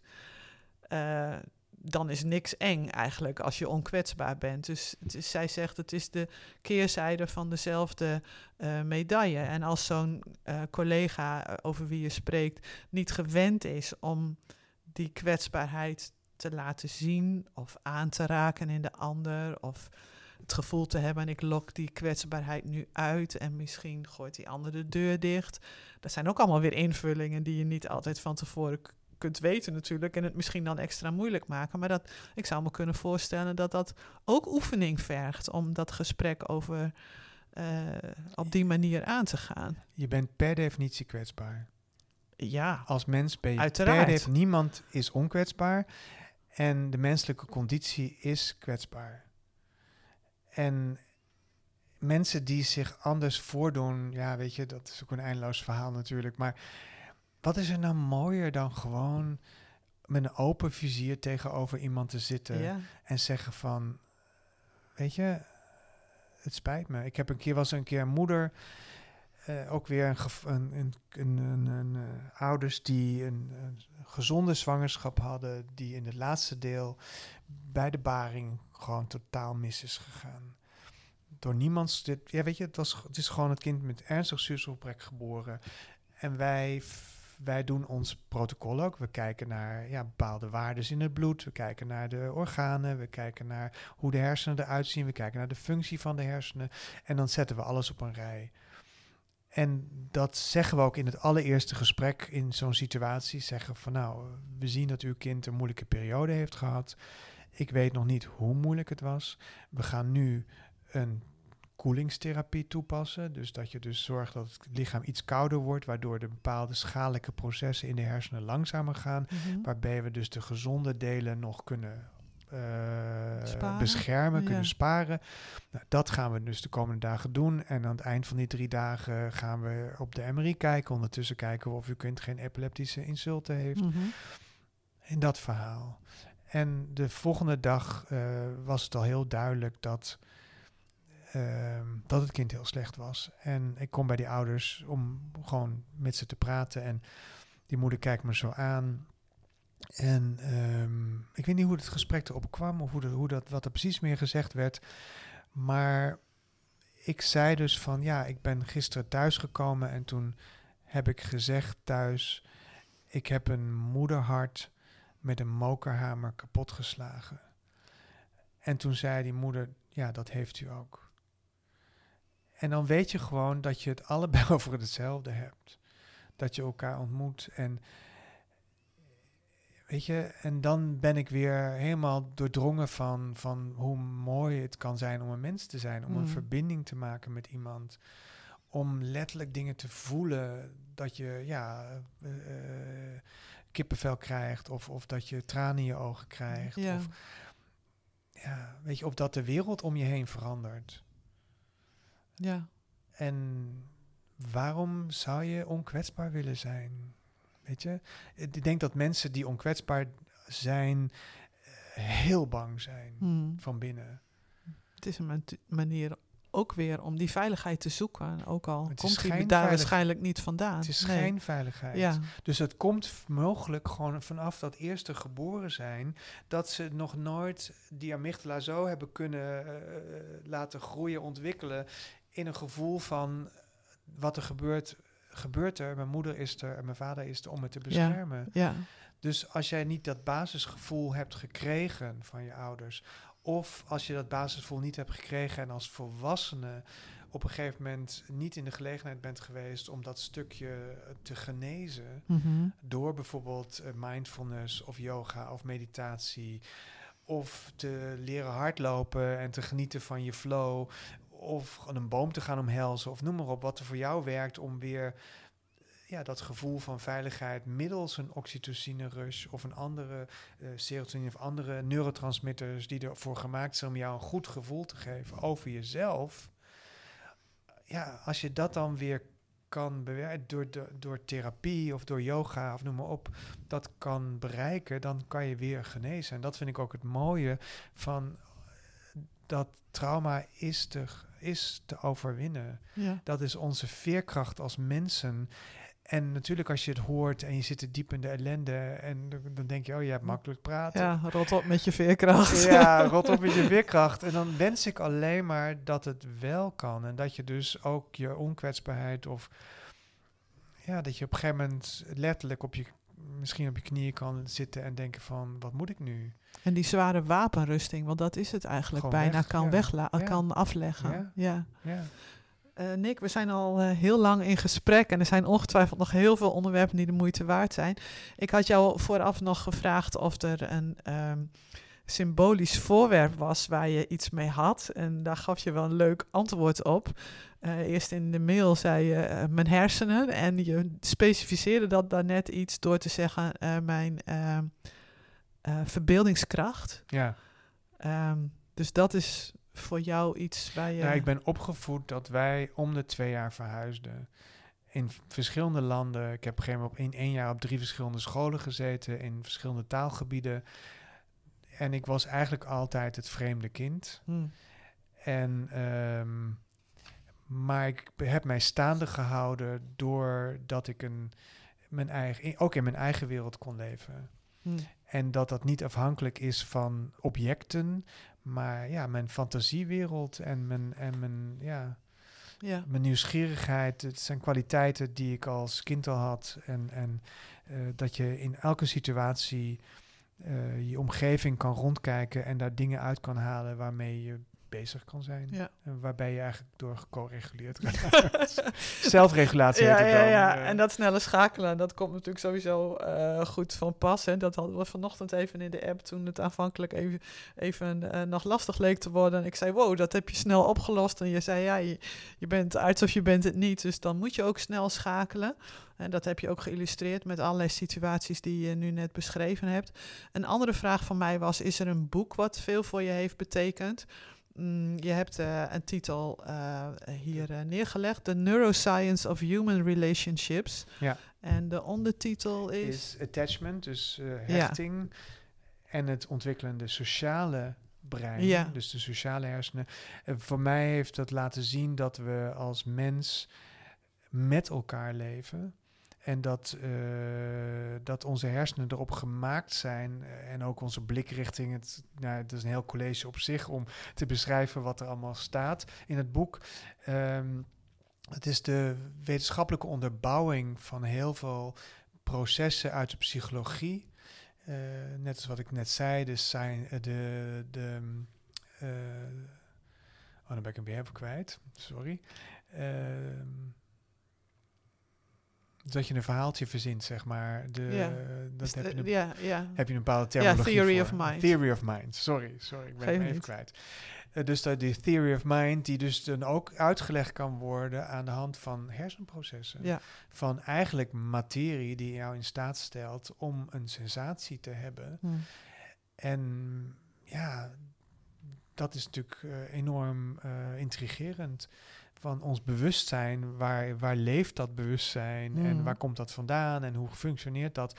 En eh Cosolino heeft voor mij eh, daar heel veel antwoorden op gegeven, of ook heel veel manieren aangereikt om erover na te denken. Wat natuurlijk heel belangrijk is in de setting waarin je hier verkeert. Omdat die breintjes nog zo volop in ontwikkeling zijn. En het dus zaak is dat je dat die processen zo goed mogelijk eh, ondersteunt. Ja, bewaakt. Bewaakt. ja, ja, letterlijk en figuurlijk. Ja. Ehm, we ronden met eh, interviews meestal af met nog een paar eh, wat iets luchtiger, eh, hoopvolle vragen. Waarvan de eerste is: wat geeft jou hoop? Ehm, eh, volgens mij is het ook een, een hersenfunctie. Waar het punt is namelijk dat, dat ehm, er zijn allemaal pro- allerlei processen in je. Want het leven is hard. Als je dus in die grot woont en het is storm en, en van alles en nog wat. En de oogst is mislukt. En de oogst is mislukt. Ja, dat soort dingen. Dan, dan heb je op een of andere manier ergens hoop dat het morgen beter is. Mhm. Waar dat vandaan komt, weet ik niet. Mm. En, en ehm, wat geeft mij hoop in deze wereld is, is, de, is de medemens. Eh, Mm. Jules Deelder die zegt dat heel mooi. De omgeving van de mens is de medemens. Mm. En eh, ja, ik vind dat gewoon een hele mooie uitspraak. Ik, we kunnen niet zonder elkaar. Mm. En eh, we mogen eigenlijk ook niet zonder elkaar. Oké, dus toch weer die verbinding eh, Ja. waar je ook in het begin al over sprak. Wat staat er nummer 1 op je bucketlist? Wereldvrede. Wereldvrede, ach ja. Laten we gewoon ambitieus zijn. Ja, ja. Ja, weet je, ik, ik, ik nog, nogmaals, ehm, ik ben open voor de wereld en ik heb een, een heel rijk leven. Eh, ik heb in heel veel verschillende landen gewoond. Ik heb op alle continenten rondgelopen. Ehm, dus ik heb al heel veel van een bucketlist afgewerkt, laat ik het zo Mm. zeggen. Ehm, toen aan mij gevraagd werd als tiener, wat wil je met je leven doen of wat zie je in je leven, durfde ik nog niet zo goed voor mezelf op te komen. En het heeft met mijn jeugd te maken en de manier waarop ik opgegroeid ben. Ik paste mij aan. Mm. En ik gaf het antwoord, ik wil een, een instrument worden voor een betere wereld. Mm. Dat was mijn antwoord op zo'n vraag van, van wat, wat wil je worden later. Gelukt. En dat is ook heel goed gelukt. Later toen ik dat met mijn acupunctuurleraar besprak, toen zegt ze, nou, de I Ching, dat is het, het, het, het eh, de, hoe noem je het in het Nederlands, een orakelboek, zeg maar, uit de Chinese cultuur, de oude Chinese cultuur. En toen wij dus de I Ching raadpleegden, toen kwam daaruit dus de man die de revolutie start. En, en dan denk je, als kind las ik altijd graag over de Franse revolutie en de Russische revolutie. En ik had bij het idee van een revolutie altijd heldhaftigheid en veel eh, wapengekletter. Maar in feite is een revolutie starten bij een mens, is een idee planten bij een ander en iets zeggen tegen een ander, waar die ander dus mee aan de slag gaat. En waardoor er misschien op een bepaalde manier anders nagedacht wordt in de toekomst. Mm. Eh, bij ons op de afdeling zijn we letterlijk een revolutie gestart. eh, en na twintig jaar zien we dat kinderen individueler benaderd worden. Dat er eh, ouders veel meer op de afdeling zijn dan anders, dan vroeger toen ik pas Hmm. hier kwam. Mooi.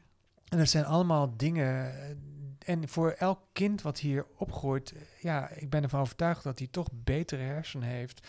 Dankzij de co-regulatie die wij met z'n allen op de afdeling teweeg hebben gebracht. En waar Ja. we elke dag aan moeten werken. En waar we elkaar elke dag aan moeten helpen herinneren, zeg maar. En mijn bucketlist, wauw. Ja. Eh, materialistisch, materieel gezien zou ik nog wel graag in Kyoto, nogmaals naar Kyoto gaan en in de Aman hotels, een heel mooi hotel slapen om te genieten van de Japanse architectuur. Want ja, ik ben ook een estheticus, ik hou van mooie dingen en eh, dat is dan wel de bucketlist, zeg maar. Maar heel materieel gezien dan. Ja. Maar de revolutie, dat, dat vind ik wel mooi. En ook omdat je het eh, eigenlijk op een andere manier invult, inderdaad, dan hoe het vaak gezien wordt met veel eh, geweld of drukte. Terwijl het hier natuurlijk met heel veel zachtheid, Ja. eh, een, een soort Ja. zachte revolutie. En een van de opmerkingen... uit- Rotterdamse lente.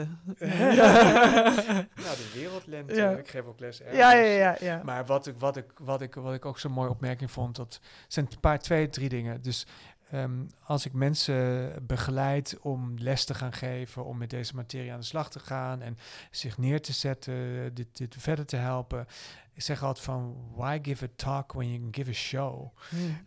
En ik was op een gegeven moment in Iran en toen kwam op een gegeven moment een verpleegkundige op me af en die zei van, "Ah, het is altijd zo gaaf. Je, die show van jou is altijd zo mooi." Dus ik ben toch ook een beetje de acteur geworden Ja, ja, die ik ja. wilde zijn. Dus Oké. Ehm, en de andere is, ehm, moet niet enthousiast zijn, dan ben ik weer kwijt. Ehm, nou, laten we hem even vangen. Dus, dus why, why give a talk when you give a show?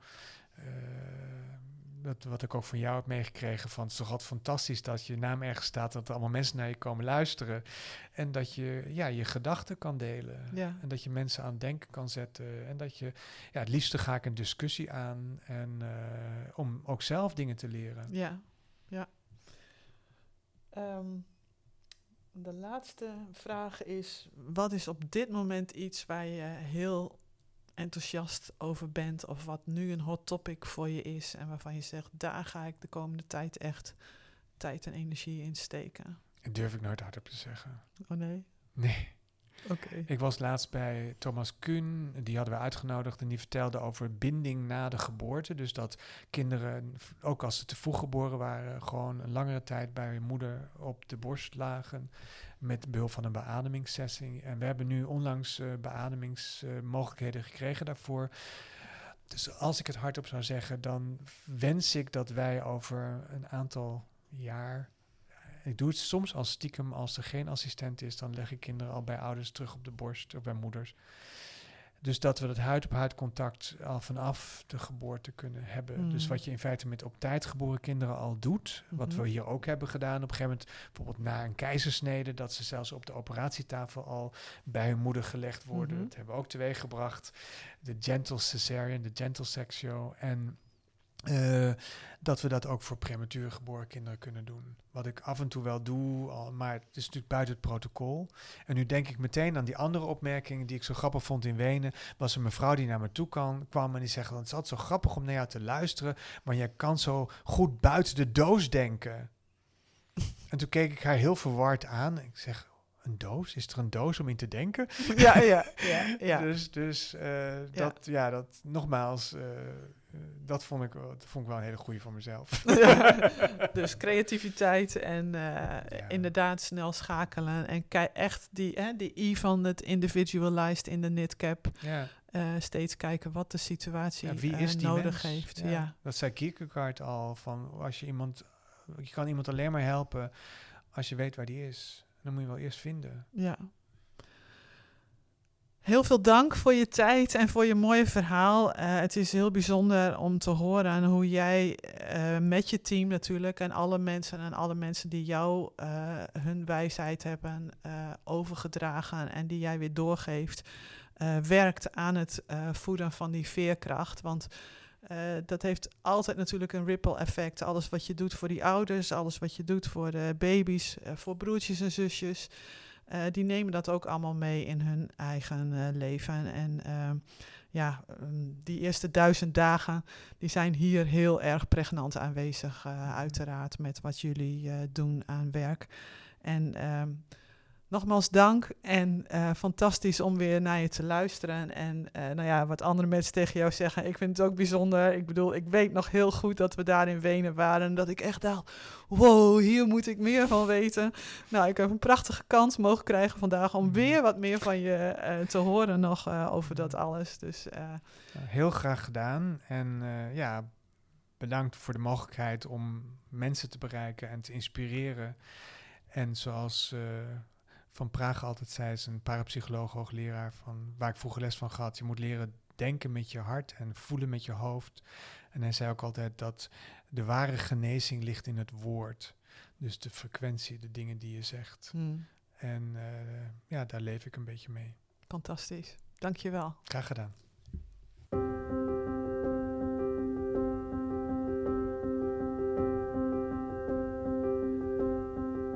Dit was een aflevering van de Voed de Veerkracht podcast van Ace Aware NL. Heb je inspiratie opgedaan? Dat is prachtig. Dan ga je die vast en zeker inzetten om in je eigen omgeving en doelgroep de veerkracht te voeden. En misschien doe je dat zelfs al op een bijzondere wijze. Dan horen we graag van je en ben je van harte welkom als gast in onze podcast. Heb je genoten? Abonneer je dan en schrijf een review. Daarmee ondersteun je het doel van ACE Aware NL, namelijk meer bewustzijn creëren rondom ACEs, Adverse Childhood Experiences. Ook jij hebt talenten om op je eigen unieke manier de wereld een beetje mooier te maken en bij te dragen aan awesome childhood experiences. Een veilige kindertijd met bufferende bescherming tegen stress is de basis van een gezonde, rechtvaardige samenleving. En wil je daar meer over lezen? Duik dan eens in onze blogserie op www.aceaware.nl. Daar vind je de indrukwekkende verhalen van ervaringsdeskundigen en professionals en boekbesprekingen voor meer theoretische achtergrond. Wil je een training afspreken of in een consult je eigen ontdekkingsreis aangaan? Neem gerust contact op zodat we samen een plan kunnen maken. We hopen dat je er de volgende aflevering weer bij bent. En om op de hoogte te blijven kun je ons volgen op Facebook, Instagram, LinkedIn, Twitter of via onze website. Een mooie dag gewenst en voed de veerkracht!